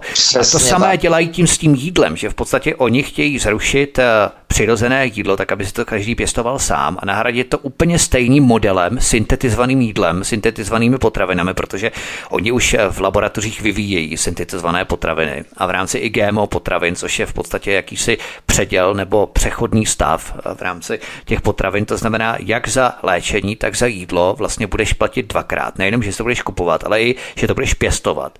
Jo, a v podstatě takto oni získají kontrolu nad veškerým chodem globálních potravin, globálního zdravotnictví zdravotnictví. To je úplně ten stejný model. Monopol je to, co, po čem se jde. Je, e, také jsme to kdysi zmiňovali. Není náhodou, že děti vyrůstaly v Americe s hrou Monopoly. Monopol. Ano, ano. Kde, jo, jako to není náhoda. To není náhoda, to bylo jasně, to byl jasný účel. A mimo jiné, chtěl jsem se zeptat, víš o tom, že v Americe měly být, myslím, že to bylo v roce 86, že měly být zakázány vitamíny jakékoliv, víš o tom? Nevím, to vůbec nevím, nic to jsem slyšel. no, tak ten vědec, kterého znám, onen Gary Null, tak byl hlavní, hlavním člověkem za tím, že se zachránil prodej vitaminů v Americe protože on zorganizoval prostě jakoby eh, takové protesty plus eh, kontaktovali eh, kongresmany, senátory a tak dále, takže on začal vlastně takovéto velké hnutí a podařilo se jim tenhle ten paskvil, tenhle ten návrh zákona, zase další byl něco, eh, byl se říká v angličtině jako návrhu zákona. Eh, takže eh, on, on zastavil tady tenhle ten nesmysl, ale kdyby tento zákon prošel, samozřejmě, že ta zatím stala lobby, eh, že jo, farmaceutická. Kdyby te, zatím tento zákon, kdyby tento zákon prošel, tak byl zakázaný prodej vitamínů v Americe jakožto škodlivých a nebezpečných věcí a jediné vitamíny podle toho návrhu by byly, jedině by byly vitamíny na předpis u lékaře. To znamená, když budete nemocní, tak lékař vám může předepsat a on tam dokonce říkal i jaké bylo dávkování tenkrát, takže dejme tomu eh, dobře výzkumy, které si můžete najít na, na eh, nejhlavnější knihovně medi- eh, lékařského a vědeckého výzkumu na PubMed, který tak s oblibou zdůrazňuji, tak tam je třeba napsáno, že byste měli mít 1000 mg C a tak dále za den, dejme tomu, jo, nebo 500 nebo kolik tam je. Ale podle, těch, podle toho návrhu zákonu by vám lékař třeba předepsal, kdybyste měli 1 mg. Okay? Takže, takže vlastně a dobře by vyšachovali, kompletně by vyšachovali, tak jak si to říkal, přírodní medicínu, nebo v tomto případě vitamíny a e, doplňky, yeah. potravinové doplňky a minerály a tak dále, tak by kompletně vyřadili ze hry a byly by jenom a dobře farmaceutika. Na to hmm. máme prášek, tady si vem prášek a že má ten prášek kontraindika, eh, kontrain, kontraindikace, vedlejší účinky, tak si máš jiný prášek zase na ty kontraindikace. Přesně tak a skončíš, skončíš tak, jak jsme, jak jsme, taky jsem to když si říkal, když jsem přišel do Ameriky, tak jsem si všiml jasné propagandy farmaceutického průmyslu, eh, který platí, který samozřejmě investuje peníze do Hollywoodu, Hned jsem si tam všiml jedné věci. Každá americký, každý americký film nebo spoustu amerických filmů nebo televizních seriálů, eh, co se v nich ukázalo, někdo jde ráno v té rodině do kuchyně, vstane, jde do kuchyně, uvaří si kafe a nasype si pět pilulek prášku a kopne je do sebe. Do hrstě, Absolutní normali, normalizace podprahová, normalizace tady této věci. Takže v, tém, v tom okamžiku někdo, kdo vyrůstal tenkrát v, s americkou televizí, tak považoval za normální, že když vám bylo 30 plus roku, tak už pěkně zobete prášky a zobete jich čím víc vám je, tak tím víc jich zobete a ve spoustě těch seriálů, tam jsem to viděl poprvé, se ukázaly krabičky, kdy mají takové plastikové krabičky sedny, sedm dnů rozdělených a tam je to třikrát sedm, že? Takže ráno, odpoledne, večer a pěkně zobalí z toho prášky. Ještě jsem neviděl, ještě jsem mimo, opravdu jsem ještě neviděl film ani televizní seriál, kdyby někdo ráno vstal, uvařil si čaj a dal si nějaký bylinkový čaj a nasypal si hrst vitaminu. Jako třeba se to jednou stane v Hollywoodu, ale prozatím jsem to ještě neviděl. ale mě ještě napadlo v rámci toho roku 1986, jo, to je vidět, jak ta věda je naprosto kupředu, jak se to veřejnosti předává s naprostým spožděním, že to člověk opravdu skoro až nechápe. Já jsem se dozvěděl, že patent 3D tisku, který teď je eh, velkým boomem, 3D tiskárny a tak dál, tak eh, vlastně to bylo patentované, nějaký vědec americký si to nechal patentovat už v roce 1986. A když si vlastně uvědomíš, že tady v Česku, respektive v Československu, tak eh, když tady měl někdo počítač, tak bylo největším vrcholem, že jsi vlastně mohl napsat nějaký dokument na počítači a vytisknout si to, a nevím, se na inkoustové, na jehličkové tiskárně, jo, že vlastně to bylo ten největší vrchol tady vůbec techniky, jo, jako vytisknout si jeden papír s něčím. Jo. A mm-hmm. oni už v té době, v roce 1986, si patentovali 3D tisk. Jo. Tak to je vidět, jak je ten kontrast mezi tím, co pustí na veřejnost a těmi opravdu exkluzivními privilegovanými technologiemi, ke kterým má přístup pouze ta elita, nejužší elita. Ten kontrast, neuvěřitelný kontrast tam je. A to samé bude, to, takže to je klasika, kdy spoustu vědeckých uh, vynálezů bylo strčeno do šuplíku a to samé, když mluvíš o elitách, eh, to samé je s tím, když chcou omezovat naši konzumaci masa, chcou, aby jsme jedli brouky a, a, a ty e, kobylky a tak dále, ale oni sami si budou dovážet e, exkluzivní super maso z Brazílie, což dělá můj kamarád, který je, který je dovozcem, e, dovozcem avoká třeba různých věcí z Jižní Ameriky, protože on je z Jižní Ameriky a má kontakty přímo na nejkvalitnější e, farmáře v Brazílii, odkud se vozí nejkvalitnější maso, ale to je prostě a dobře pro lidi, kteří si to můžou dovolit, že?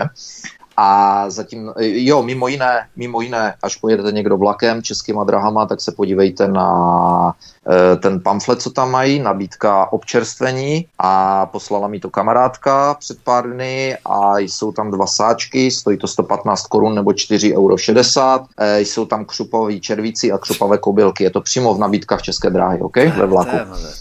A takže takže ano, pro elity, pro elity, pro plebs budou, jak vidíme, nebudou vitaminy, budou prášky jenom, eh, nebude spoustu věcí, nebudou auta, budou jenom elektromobily, takže ty budeš pěkně chodit jenom tady okolo baráku, to bude, to bude tak všechno a když budeš mít peníze, tak ti bude dovoleno cestovat autem nebo možná si někam zaletět letadlem a tak dále. Tohle jsou představy Tohle jsou představy těch úchylů e, Světové ekonomické forum a všichni ti, kteří jsou nad nima, že? Přesně tak, no. Mě fascinoval opravdu takový ten kontrast, že vlastně 3D tisk je teď až od 30 let později takovým neuvěřitelným boomem a v podstatě oni se to nechali patentovat až už v roce 1986.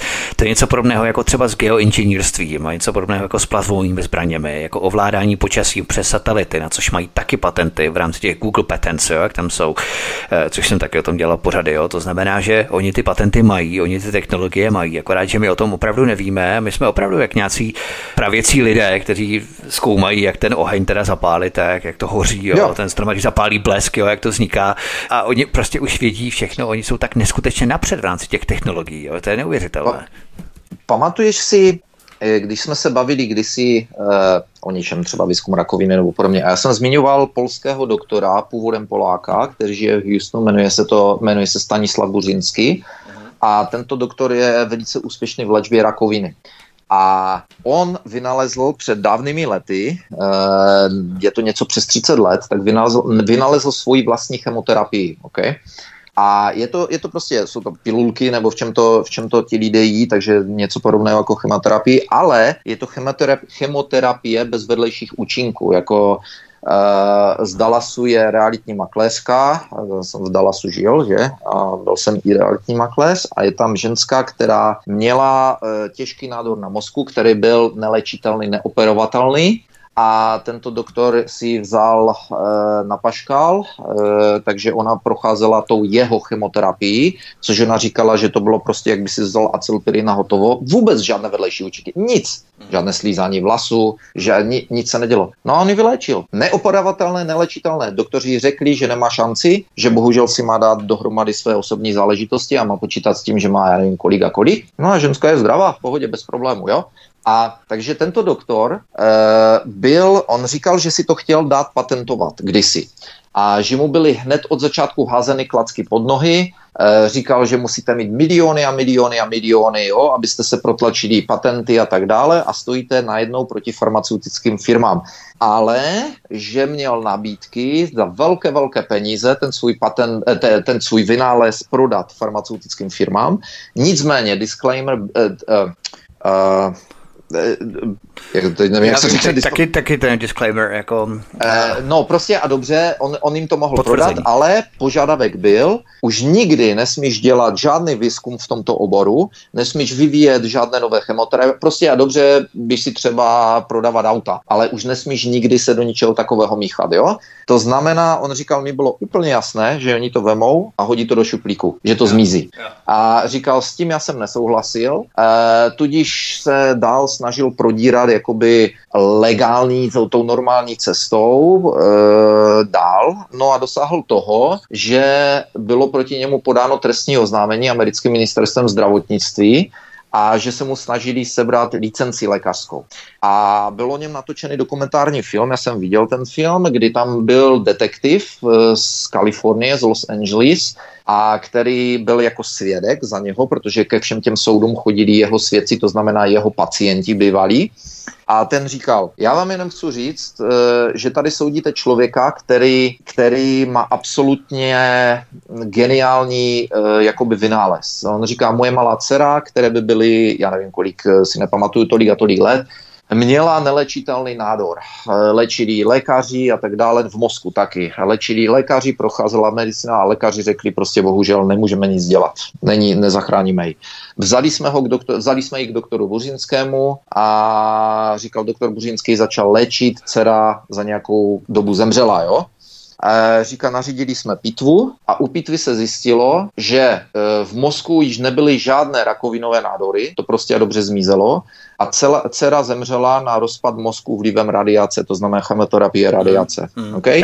Ale rakovinové, ale rakovinové e, s tím, jak ji poslali domů, když šli k doktoru Buřinskému, kde byly nádory v tom mozku, prostě měl různé ty e, CT a tak dále, říkal, tak to prostě zmizelo během nějakého času. A tohle byl, co jsem o něm slyšel, tohle byl případ jako u spousty jeho pacientů, jako jo, samozřejmě nevylečí každého, ale byl to, protože to není jenom, že si spolkneš prášek a zbavíš se rakoviny, tam je spoustu dalších věcí u toho, jako i jako u těch chemoterapií, to je jedno, jakou cestou tu rakovinu léčíš a e, e, takže, takže ten doktor Buřinský byl souzen, byl souzen 30 let. 30 let byl souzen ministerstvem zdravotnictví až před několika lety v Texasu federální, nebo někde v, některé, v některém tom státě federální soudce řekl americké vládě, víte co, už stačilo, 30 let ho soudíte, vy ho nesoudíte za to, že by byl šarlatan, že by mu umírali lidi, vy ho soudíte za to, že, že léčí ne, ne nepovolenou metodou. Ale vy, ale vy mu hažete klacky pod nohy, vy mu nenecháte udělat ani patent. On očividně má tady svědky, má tady, on je úspěšný, on lidi zachraňuje a vy, ho, vy se ho snažíte zničit, že léčí nepovolenou metodou, kterou mu nechcete povolit.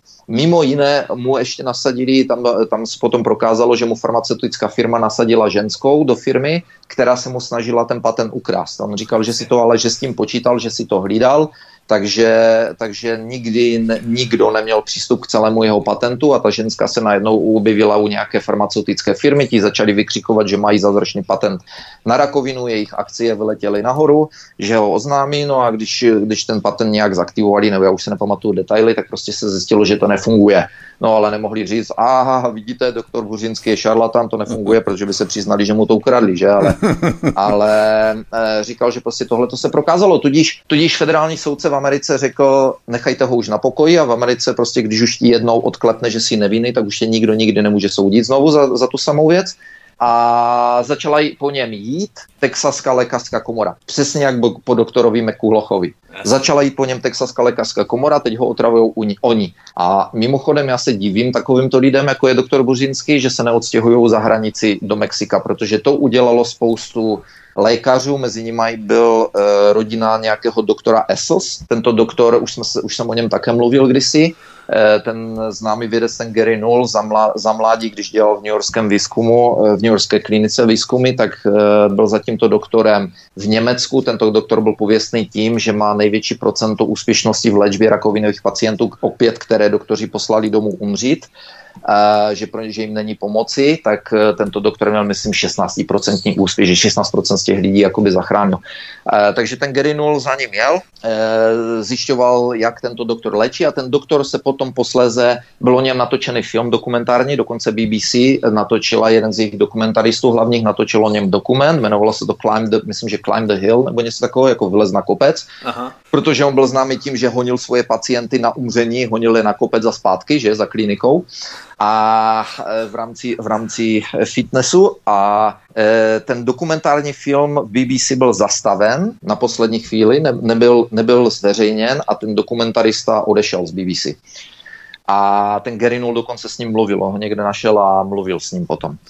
Uh, takže tento doktor, ten doktor Essel se posléze odstěhoval do Ameriky, kde měl spoustu let svoji kliniku, jeho dva synové se stali doktory, léčili tam, jeho manželka tam pracovala, doktor Essels potom umřel, už se nepamatuju v kterém roce, a skončilo to tak, že jeho synové s manželkou sebrali kliniku, odstěhovali to za hranice do Mexika, kde si můžou američani jezdit léčit za daleko menší peníze samozřejmě, protože jsou tam menší náklady, ale a neotravuje je žádná americká vláda, neotravuje, neotravují je farmaceutické firmy, pojišťovny a tak dále a tak dále. Takže to je případ mnoha klinik, e, jelikož jsem měl kamarádku, která e, se léčila s rakovinou a já jsem byl v tomto jako hodně e, zainteresován, protože jsem se jí snažil pomoct, dokonce mi, se mi e, i k tomu Gerimu Nolovi dostal, ale e, ona si vzala, zvolila jinou cestu, ale díky ní vím, že jsou tyto kliniky e, za hranicí Mex, za hra, mexicko-americkými hranicemi na mexické straně a tito doktoři tam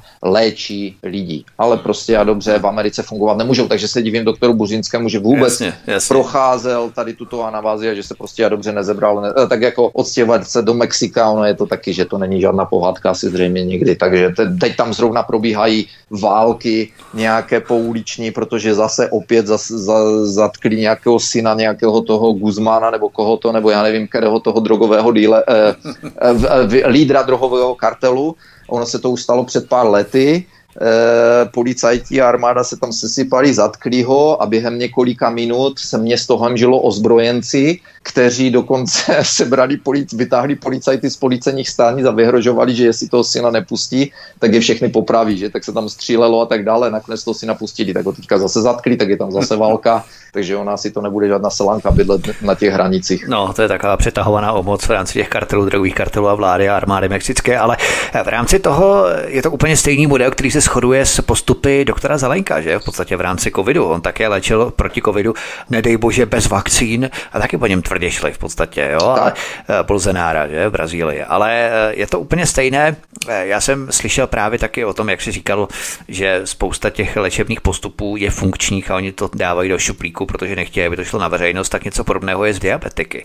Oni mají lék na diabetes, akorát, že je pro ně velmi výhodné pořád dávat inzulín, že a ten obrovský biznis kolem cukrovkářů, ať typu A nebo typu B, ale na cukrovku je lék, ale oni ho také mají v šuplíku právě, protože je pro ně výhodnější udržovat ty diabetiky v tom stavu, jakém jsou a, a pořád z nich štímat peníze i v rámci pojišťoven a tak dále. To je obrovský biznis.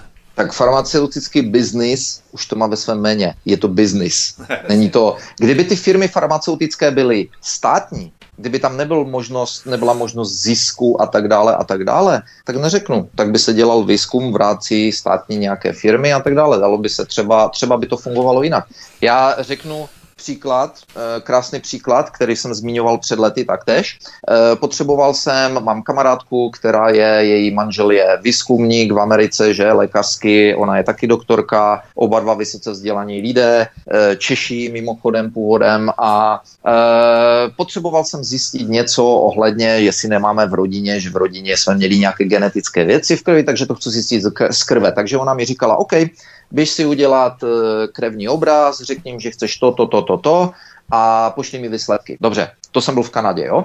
Takže a ona v Americe. Takže e, já si jdu udělat výsledky, doktor si mě zavolá potom a říká, tak, tady máme výsledky vaší krve nebo tvojí krve a říká, no všechno v pohodě, tady se dívám, všechno máš dobré úrovně, cholesterol úplně minimálně nad nějakou tou hranici, ale říká, ale vůbec nic, čím by se musel zabývat. Říká, prostě ty vypadá, že jsi fit, eh, zdravě jí, jí, jí jes zdravě, sportuj zdravě, nekuř, nepí a všechno bude OK.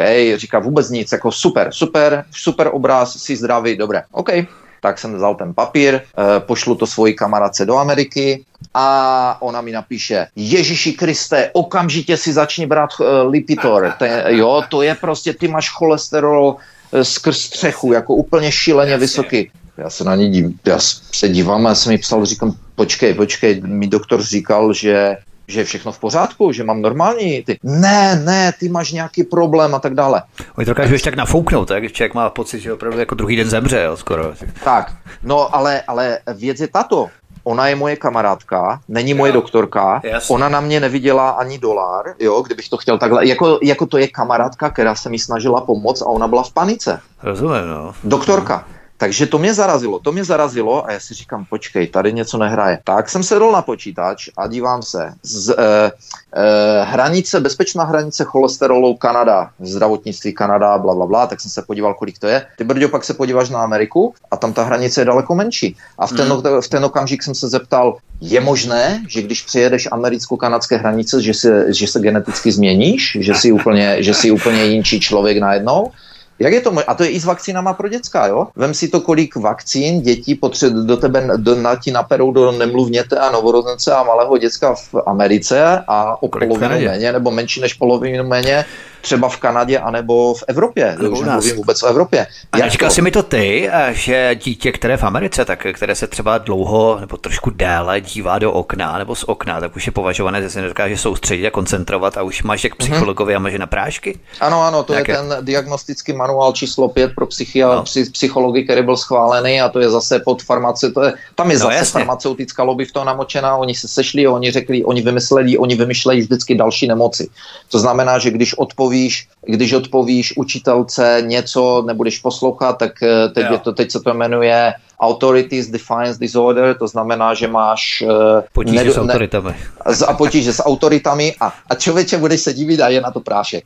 Jo, takže, eh, takže tak nějak. Tady vidíme na spoustě příkladů, že prostě a dobře ta farmaceutická lobby je uh, velice silná a stojí za spoustou věcí. A mimo jiné, ještě, ještě se vrátím k těm vitamínům, pokusy o jakoby zastavení nebo, nebo Uh, ano, o z, zastavení vitamínu ve volném prodeji se dějí znovu a znovu jsou v Americe návrhy zákonu, co jsem slyšel opět do toho Garyho Nula, že se opět snaží někteří senátoři eh, o nějaké dodatky, o nějaké návrhy zákonu, že by se měly vitamíny omezovat. A po spoustu let, celou dobu, co jsem žil v Americe a co jsem byl v Kanadě, tak vidíš v televizi v uvozovkách experty, kteří e, se smějí vitaminům a doplňků a řeknou ti, to je akorát drahé, drahé čurání, že to všechno projde tvým tělem a nikdy to nic neudělá a tak dále a tak dále. Ale, to, ale je úplně jedno, je úplně jedno těmto expertům a médiím, že e, v té e, knihovně, knihovně jakoby, nebo Biblii veškerého vědeckého lékařského výzkumu, který jsem nesčetněkrát zmiňoval, onen PubMed, že tam jsou stovky nebo tisíce studií, které ukazují na benefity e, různých doplňků, vitaminů a tak dále a tak dále. Vědecké, kontrolované, e, ověřené studie, takže ti to experti čerpají z čeho? Jako rozhodně nezvědy. Rozhodně nezvědy. Takže tady vidíme tu silu, silu peněz, prostě silu peněz. Silu Bohužel. peněz, money talks, peníze hovoří, money talks.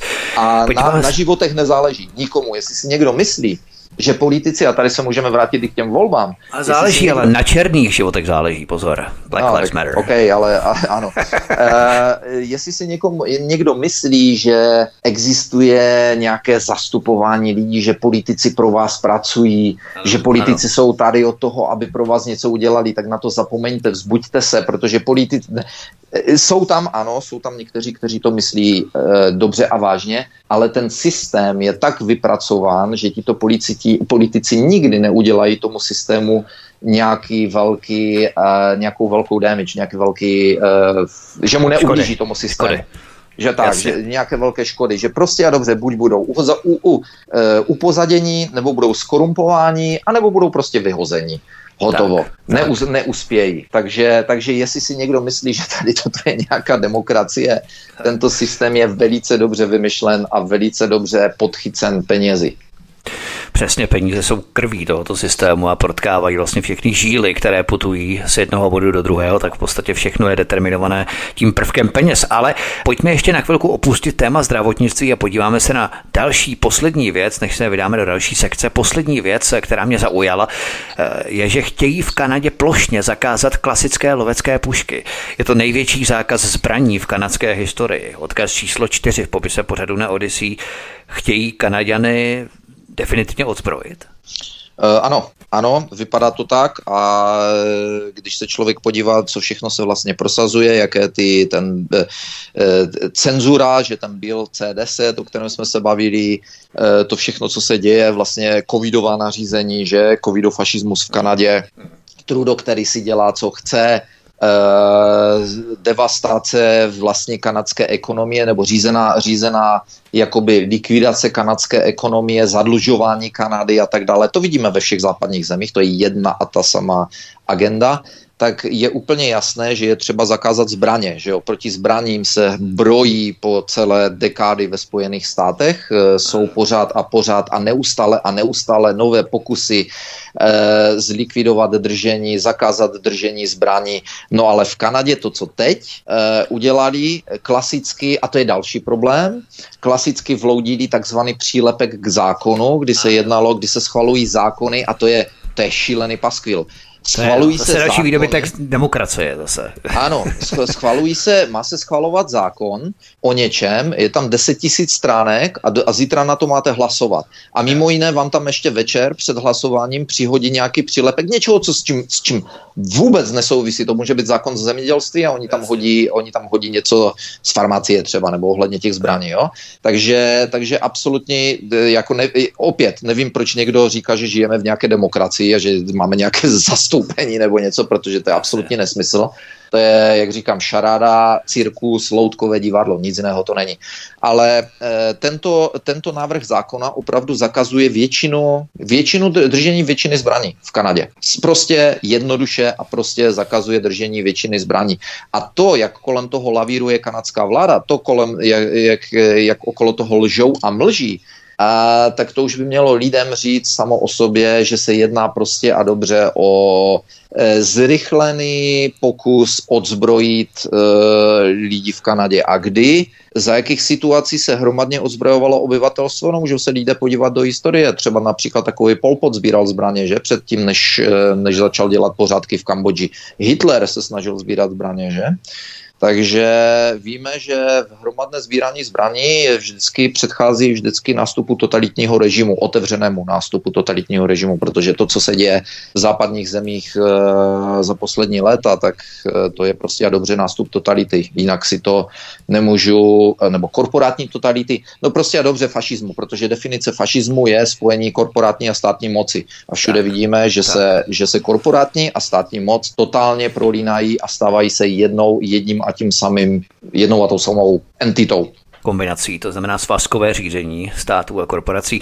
Ale to je stejně zajímavé, jak oni to chtějí protlačit ten zákon, nebo jak si představují, že to protlačí, protože spousta Kanaďanů žije ve srubech, daleko od civilizace, nebo třeba i normálně v civilizaci, ale pravidelně chodí na lov a tak dále. Lovecká puška patří ke standardní výbavě kanadského zálesáka, eh, kterých je v Kanadě obrovské množství. Kdokoliv, kdo chodí na lov, takže je jasný patrný záměr odzbrojit Kanaďany. Eh, myslíš, že vláda má oprávněný strach tedy, že by Kanaděné mohli se nakrknout, vzít prostě pušky do rukou a jít lovit politiky do Otavy, až jim dojde trpělivost se všemi těmi svinstvy, jak se říkal, které jim vláda připravuje, ať jde o brutální cenzuru, kterou chystají, nebo finanční sankce a brakování účtů protestujících z konvoji svobody, do kterého se zapojila třetina Kanaďanů, nebo pitomý zákaz o prodeje syrového mléka a tak dál. Prostě to je jedna bota vedle druhé a Kanaděnům prostě, byť jsou míromluvný národ, tedy říká se to, oni jsou míromluvný národ, prostě by jim mohlo jednou, jednoho dne pouchnout seze a mohli být s těmi brokovnicemi na vládu.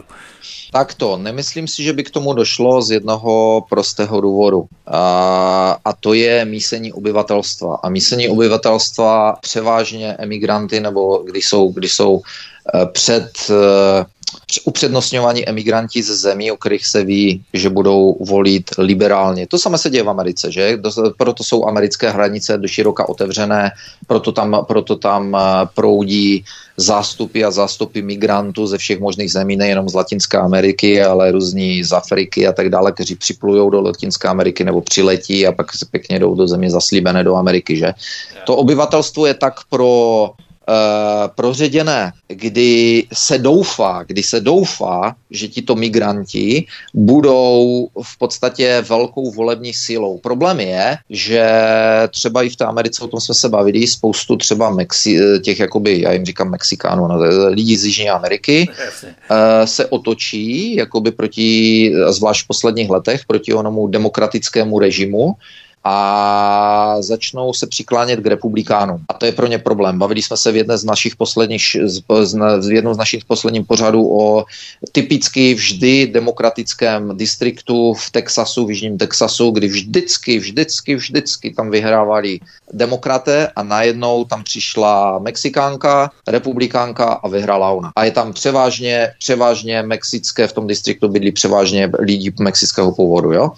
Takže, takže tohle může být problém. Ale v Kanadě Eh, když se na to podíváš, tam probíhá samozřejmě ve velkém ona takzvaná liberalizace společnosti, stejně tak jako v Kalifornii, že takže když se podíváš na ten Vancouver, kde jsem strávil z těch 17 let, takže tam to vidíš, jak je, jsou to takový ti šampóni, to by, už jak jsem tam přišel, tak to vidíš i šampóni, že ten, ten důraz na snižování maskulity, nebezpečné toxické ano. maskulity mužů a tak dále. A všichni tam chodí, chodili na gelování a, a různé takové, jako tam mužko, mužskost se ztrácela, tohle byl jasný, jasná známka prostě té zna, změny e, toho myšlení těch lidí, že všichni s duhovýma vlajkama, Trudo tam furt jezdil na ty pridey, vyplazoval tam jazyk, ukazoval se tam, že s těma, s těma queers a tak dále, takže e, v Kanadě probíhá velká, velká změna myšlení a jsou demonizováni. Je typický Kanaděn, jak ty říká žijící ve Srubu někdo na severu, je silně, silně demonizován a je se mu vysmíváno. E, nejsou třeba a tak dále a tak dále. Jo? Kdo chodí U nás by to bylo někde... Zemana třeba, jo? takový to člověk ve Srubu venkově. Jo? E, je tam řečeno, proč by měl někdo kurník loví, e, proč by měl někdo lítat po horách s puškou a lovit, když si můžeš zajít do obchodu pro maso. Jo?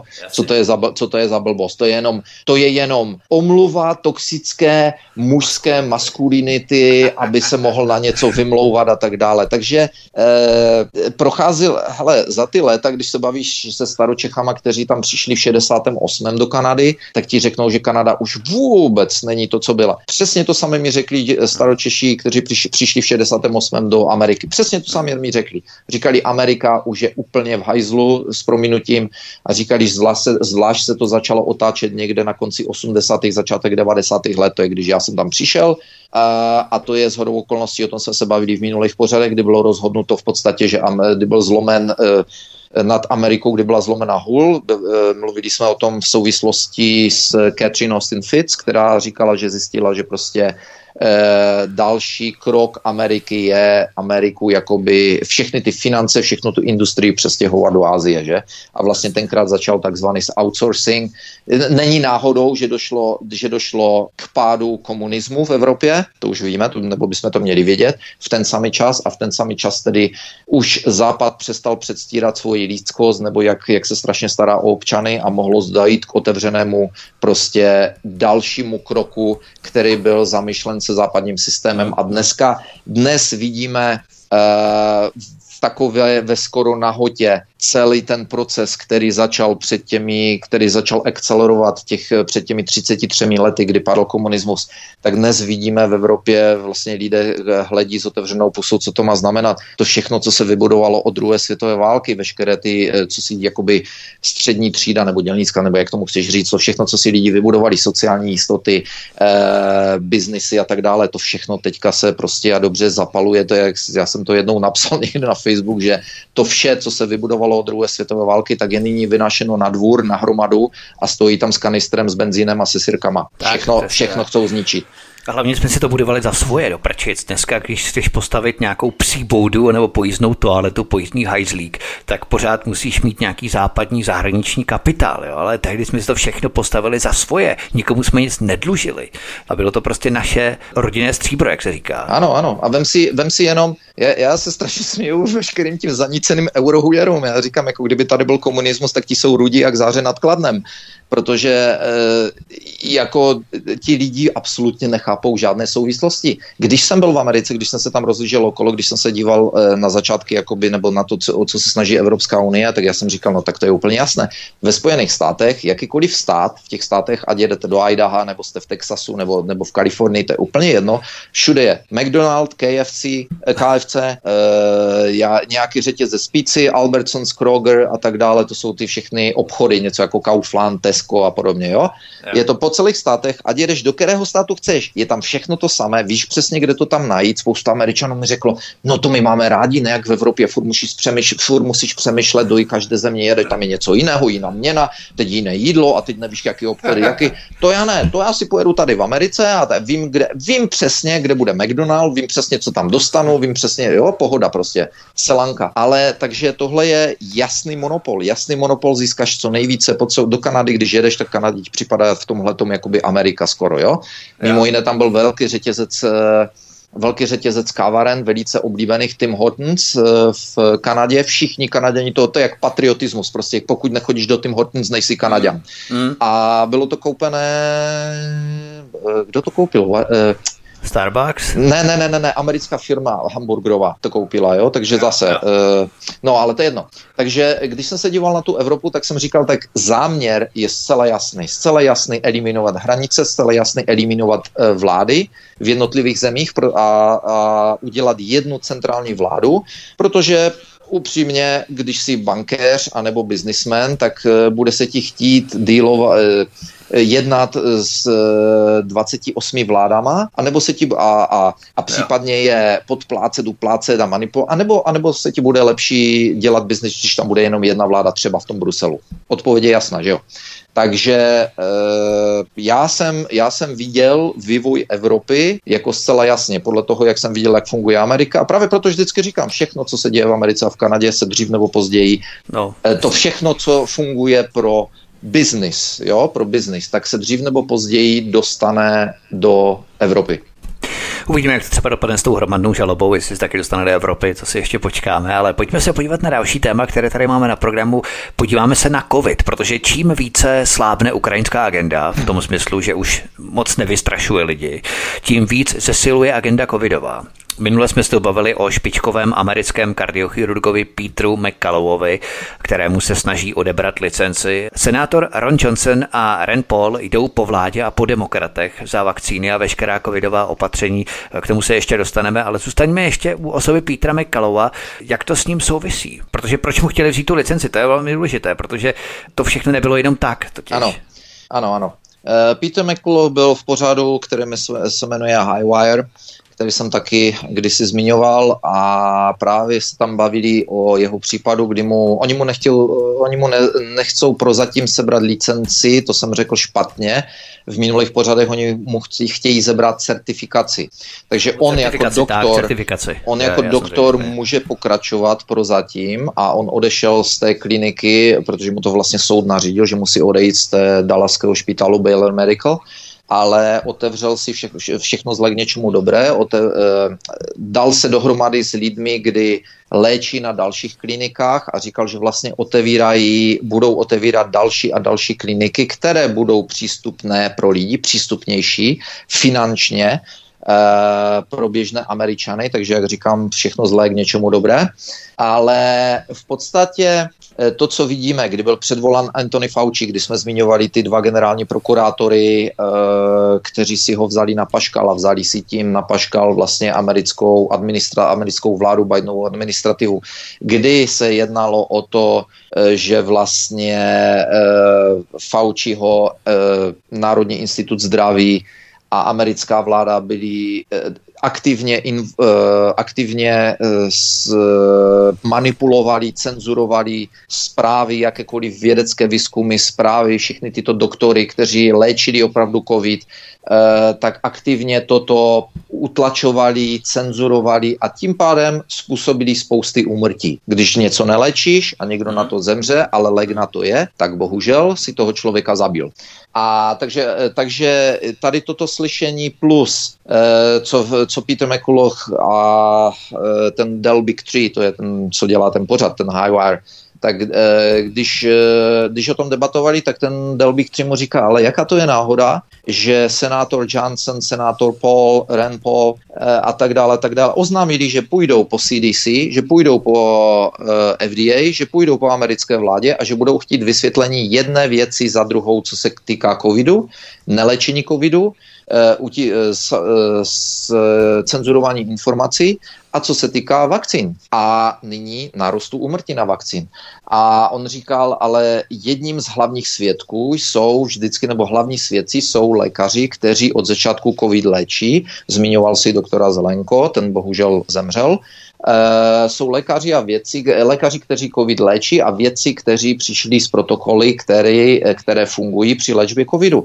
A jedním z těchto doktorů je Peter McCullough, nebo já bych řekl jedním z hlavních doktorů, protože onen Peter McCullough, jak jsme si říkali, říkali v minulých pořadech, podával už na jaře 2020 a v létě 2020 Eh, si ho předvolali před senáty, před texaský senát, byl před americkým senátem nebo kongresem, teď nevím jedno z toho, kdy tam přímo říkal, my léčíme covidové pacienty, my víme, jak to léčit a já absolutně nechápu, co se děje, jak to, že se, jak to, že se neléčí, jak to, že se zatajují informace, jak to, že se cenzurují otázky, názory lékařů a vědců a tak dále a tak dále. Takže Peter McCullough je jeden z hlavních hybných sil a jedním z hlavních svědků při budoucích slyšení. Tudíž bylo třeba ho zdiskreditovat, že jo? A to, že mu zebrali, eh, to, že mu sebrali certifikaci prozatím, tak vlastně je takový náboj pro média, pro americké média, všechny ty, všechny ty mainstreamové média v podstatě,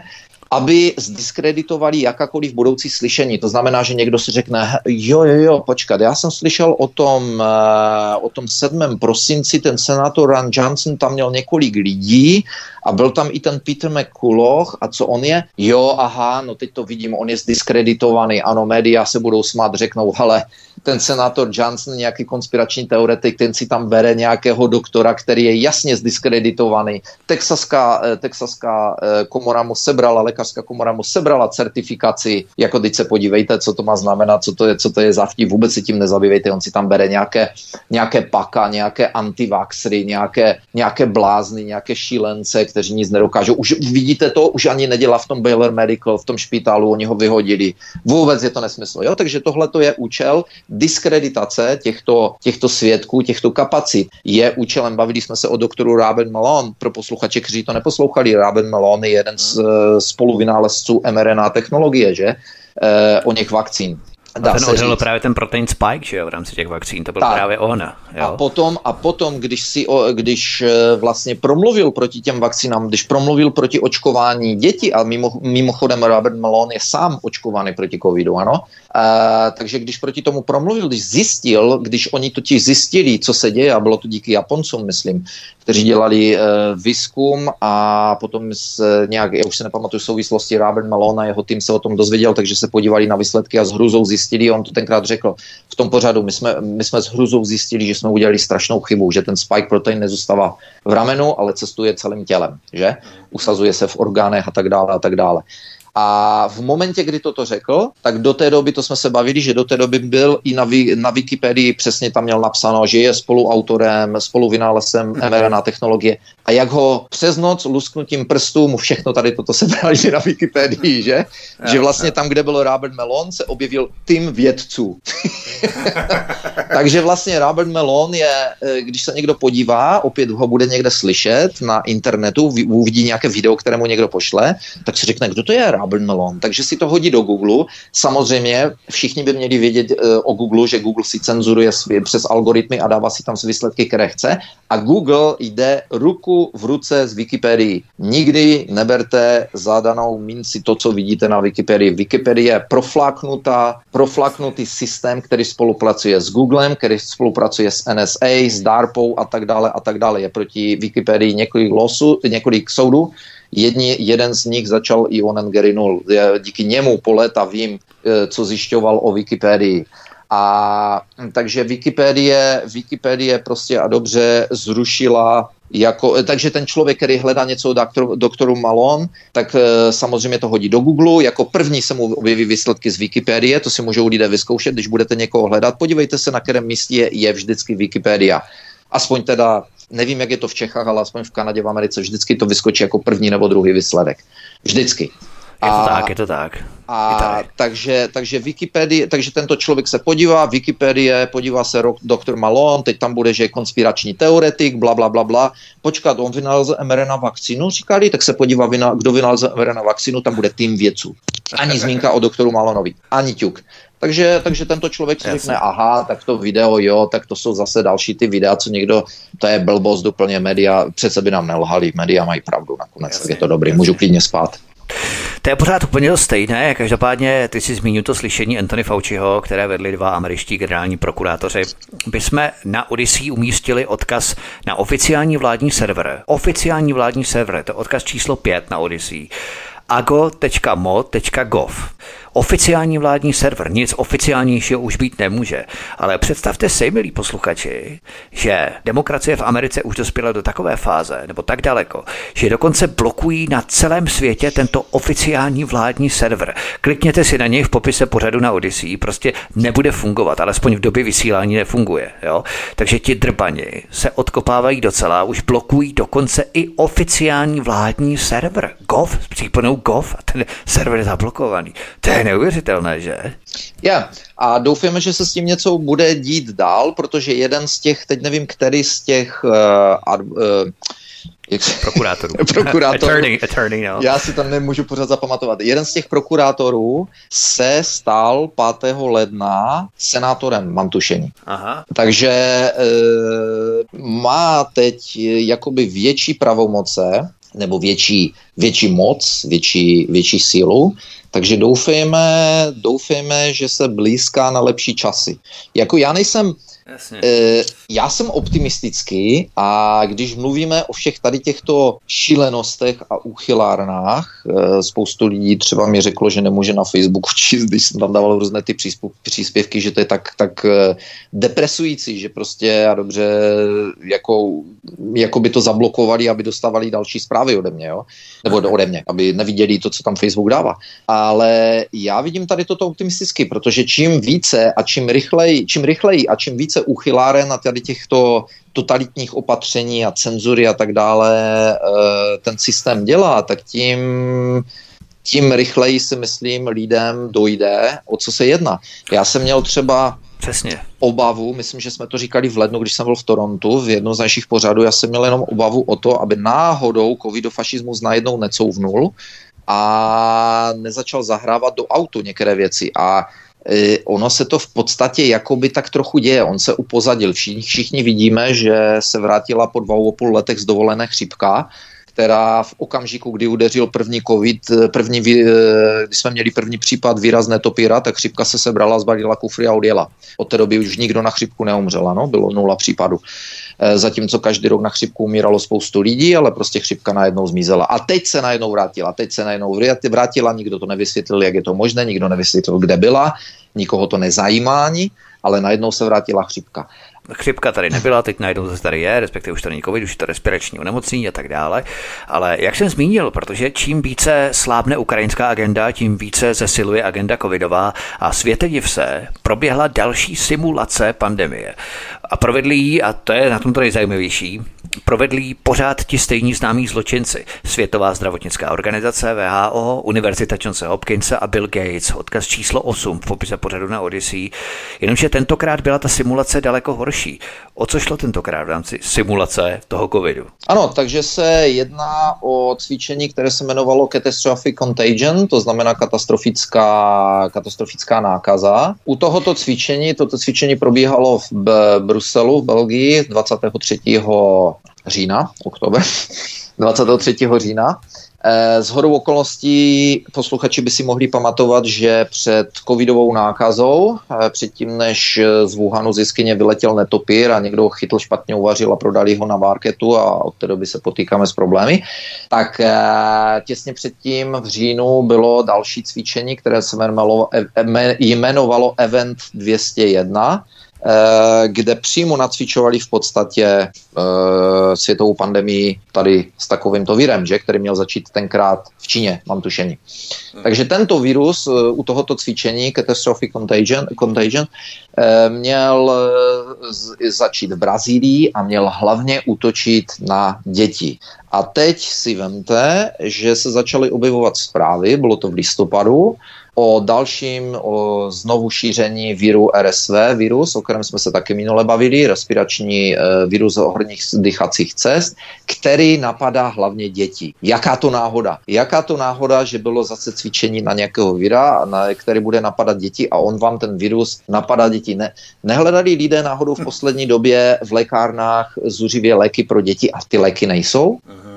Ne, ne, ne, nepadá, ne, ne, není hodně dětí jakoby takzvaně takzvaně nemocných, jako jestli je nebo není, já jsem nevím, já jsem v Čechách nezjišťoval statistiky, ale to, co slyším, tak lidi říkají, no děti jsou teď nemocné, více jich je nemocných, jako může být, nemusí, může to být čistě a dobře masírka médií, kdy média začnou říkat, že děti jsou nemocné a vaše meso se zaměří na to, že děti jsou nemocné. Že když si chcete koupit červené auto, tak najednou si začnete všímat, kolik červených aut je na cestě. Jo? Takže, takže může to být tady ten případ, ale je to velice zajímavé, že je velice zajímavé, že zrovna znovu dělali nácvik něčeho, co se za měsíc v podstatě nebo dva měsíce objevilo a najednou se o tom začalo mluvit, e, těžko říct, ale je to velice, velice nepravděpodobné. Ta pravděpodobnost je tam taková, jak u těch e, nehod, požárů těch firm produkujících potraviny v Americe, o kterých jsme se bavili, že? Ohledně covidu se podíváme závěrem ještě na poslední zprávu, která je sice úsměvná, ale vlastně tragikomická, protože ti soufalci to fakt myslí vážně. Skupina vědců totiž vypracovala studii a zjistili ohromnou věc korelace mezi dopravními nehodami očkovaných a neočkovaných. Odkaz číslo 9 v popise pořadu na Odyssey. Co zjistili v té studii experti placení ze státních grantů, tedy za peníze svých vlastních občan? Velice zjednodušeně, že neočkovaní mají více nehod. jako to, když jsem viděl, tak jsem říkal, to už není možné, to už není možné, jak dalece dokážou zajít. V podstatě, v podstatě to zdůvodnili tím, že... Oni neříkají, že neočkované, ale oni říkají, že když vynecháš jenom jednu vakcínu, protože neočkované to je úplná svatokra, eh, takhle, takhle, představit. Ano, jo? ano, ano, ano, ano. Jenom ano. stačí jednu, za těch čtyř dávek, jenom jednu vakcínu a máš vyšší pravděpodobnost autonehody. Z těch prozatím čtyř dávek, ano. Já mám, mimo jiné mám známé, kteří už mají v sobě patou i šestou. Ale kteří, ne, kteří jsou neustále věřící. Ale e, tam to bylo zdůvodněno tím, že prostě když vynecháš, ano teda, když vynecháš některou z těch vakcín, tak si vlastně nezodpovědný člověk No a nezodpovědní lidé se chovají nezodpovědně na cestě, nerespektují dopravní předpisy, nerespektují nic, nerespektují omezenou rychlost a dochází u nich k nehodám. Takže vlastně ten, kdo je neočko nebo e, nedodržuje očkovací, očkovací nařízení a tak dále a tak dále, tak je vlastně strašně nezodpovědný člověk a tím pádem je vlastně v podstatě nebezpečný společnosti. Terorista, že terorista vlastně. Jo, k tomu to, ohrožuje ostatní. Tak, k tomu to za to zase všechno směřuje. A, a je úplně jedno, je úplně jedno, e, že jsou, o čem mluví čísla, data, která nyní vycházejí čím dál tím víc na veřejnost o vakcínách, že vakcíny nejsou e, tak dobré, jak říkali. Je úplně jedno, že zástupkyně Pfizeru v Evropské komisi řekla e, na otázku, jestli byly vakcíny někdy testovány na to, jestli dokáží za, e, e, zamezit přenosu anebo dostání víra a ona řekla, že ne. Nikdy to nebylo na to. Je jedno, že Rachel Valensky, ředitelka CDC, řekla v létě to samé, že vakcíny prostě bohužel nedokážou zabránit rozšiřování víra a tak úplně jedno. Je úplně jedno, že jsou, že neexistuje jediná, neexistuje jediná studie, jediná odborná, vědecká, prokazatelná, ověřená studie o účinnosti masek nebo filtru N95 na rozšiřování víra. Neexistuje. Byla teď eh, v prosinci dělána studie odborná, která prokázala, která byla, pro, eh, když studovali eh, různé zařízení, veškeré věci okolo celého světa, tudíž velký, velký, velký, velký vzorek případu. A tato studie, komprehens, jak se řekne, velká jakoby studie, ověřená, prověřená, zjistila, že účinnost masek a filtru N95 na rozšíření víru rovná se nula. Absolutně nula. A že veškeré veškerá opatření covidová byla především politická, nebyla založena na žádné vědě, na žádných vědeckých výzkumech. Ale to je úplně jedno. Podíváte se na facebookovou stránku. Schválně běžte a podívejte se na facebookovou stránku našeho ministra zdravotnictví Válka. Co tam uvidíte? Jak hledí na dva monitory a sedí tam ve filtru N95.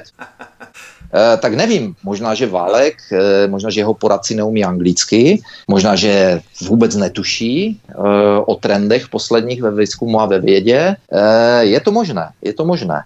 Ale jak je vidět, jak jsme již říkali minule, my žijeme v době postfaktické a fakta už nikoho nezajímají. Hlavně je ideologie. To je všechno. V Americe, v Americe, v Dallasu, v Texasu teda, eh, tam se masky, neby tam nebylo nařízeno nějak, eh, myslím, že jenom první tři měsíce, že se měly masky nosit, pak už, ne, pak už se nenosili, ale do dneška tam vidíte některé lidi v maskách, dokonce yeah. i dvě masky měli na sobě, ještě dneska, ještě dneska pořád dvě masky, jenomže v Americe se z toho stal kult prostě takový, jako že eh, ten, kdo má masku, tak je demokrat. Takže něco takového, jako místo, aby nosil placku, já jsem demokrat, tak nosí masku. OK, dobré, tak jako mentální, mentální nemoci se projevují různými, různými yeah, yeah. směry, že?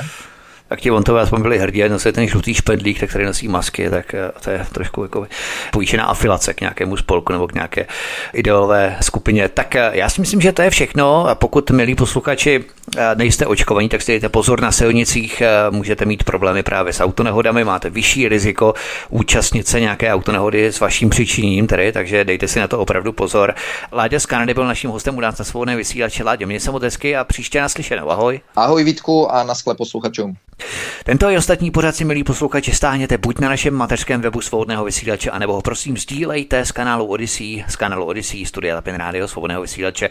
Tady klikněte na tlačítko sdílet, také odebírat tento kanál i třeba zvoneček v rámci zapnout notifikace, upozornění, abyste nepřišli i o další pořady, které pro vás chystáme tady na tomto kanále.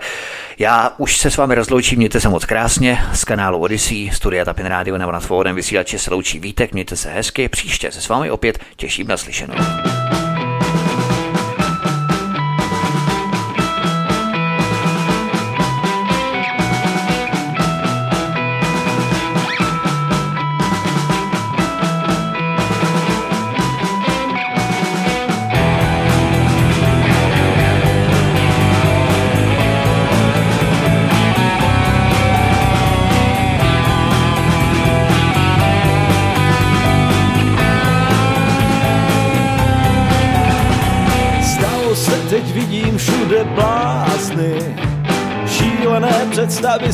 Stávají se mojí skutečnosti, zůstanu v nich bez ničeho prázdný. Budu kolem kopat, křičet, že se prones netečností.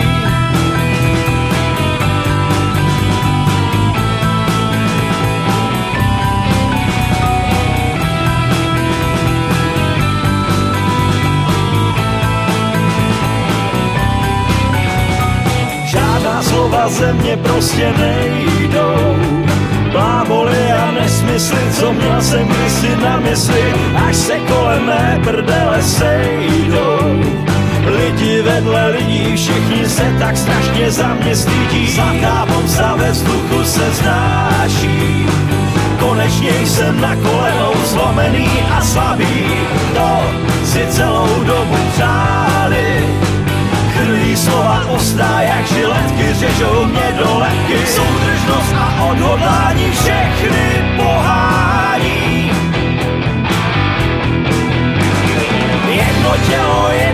Duše hrůzu nahání. Všechno je to opravdové, bizarní a pomstychtivé, nečestné, lež právo, svaté právo, spravedlivé.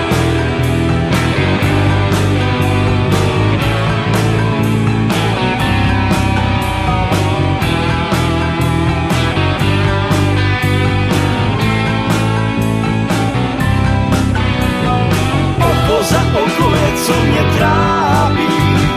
Nechápu, proč musím trpět za jiné, co rozhodují. Přece nemám místo rukou drápy. Neřekl jsem ani slovo, nejsem z těch, co postupují. Přesně to nikoho nezajímá. Padni komu padni, hlavně, že se trápí kůže líná rány boží, z kterých hru zajímá.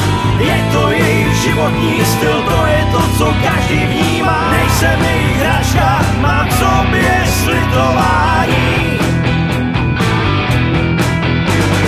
Myslím jen vlastní hlavou a to bez přestání. Všichni toužíci pomocí nakažení jsou nemocí nevyléčitelnou hypotéci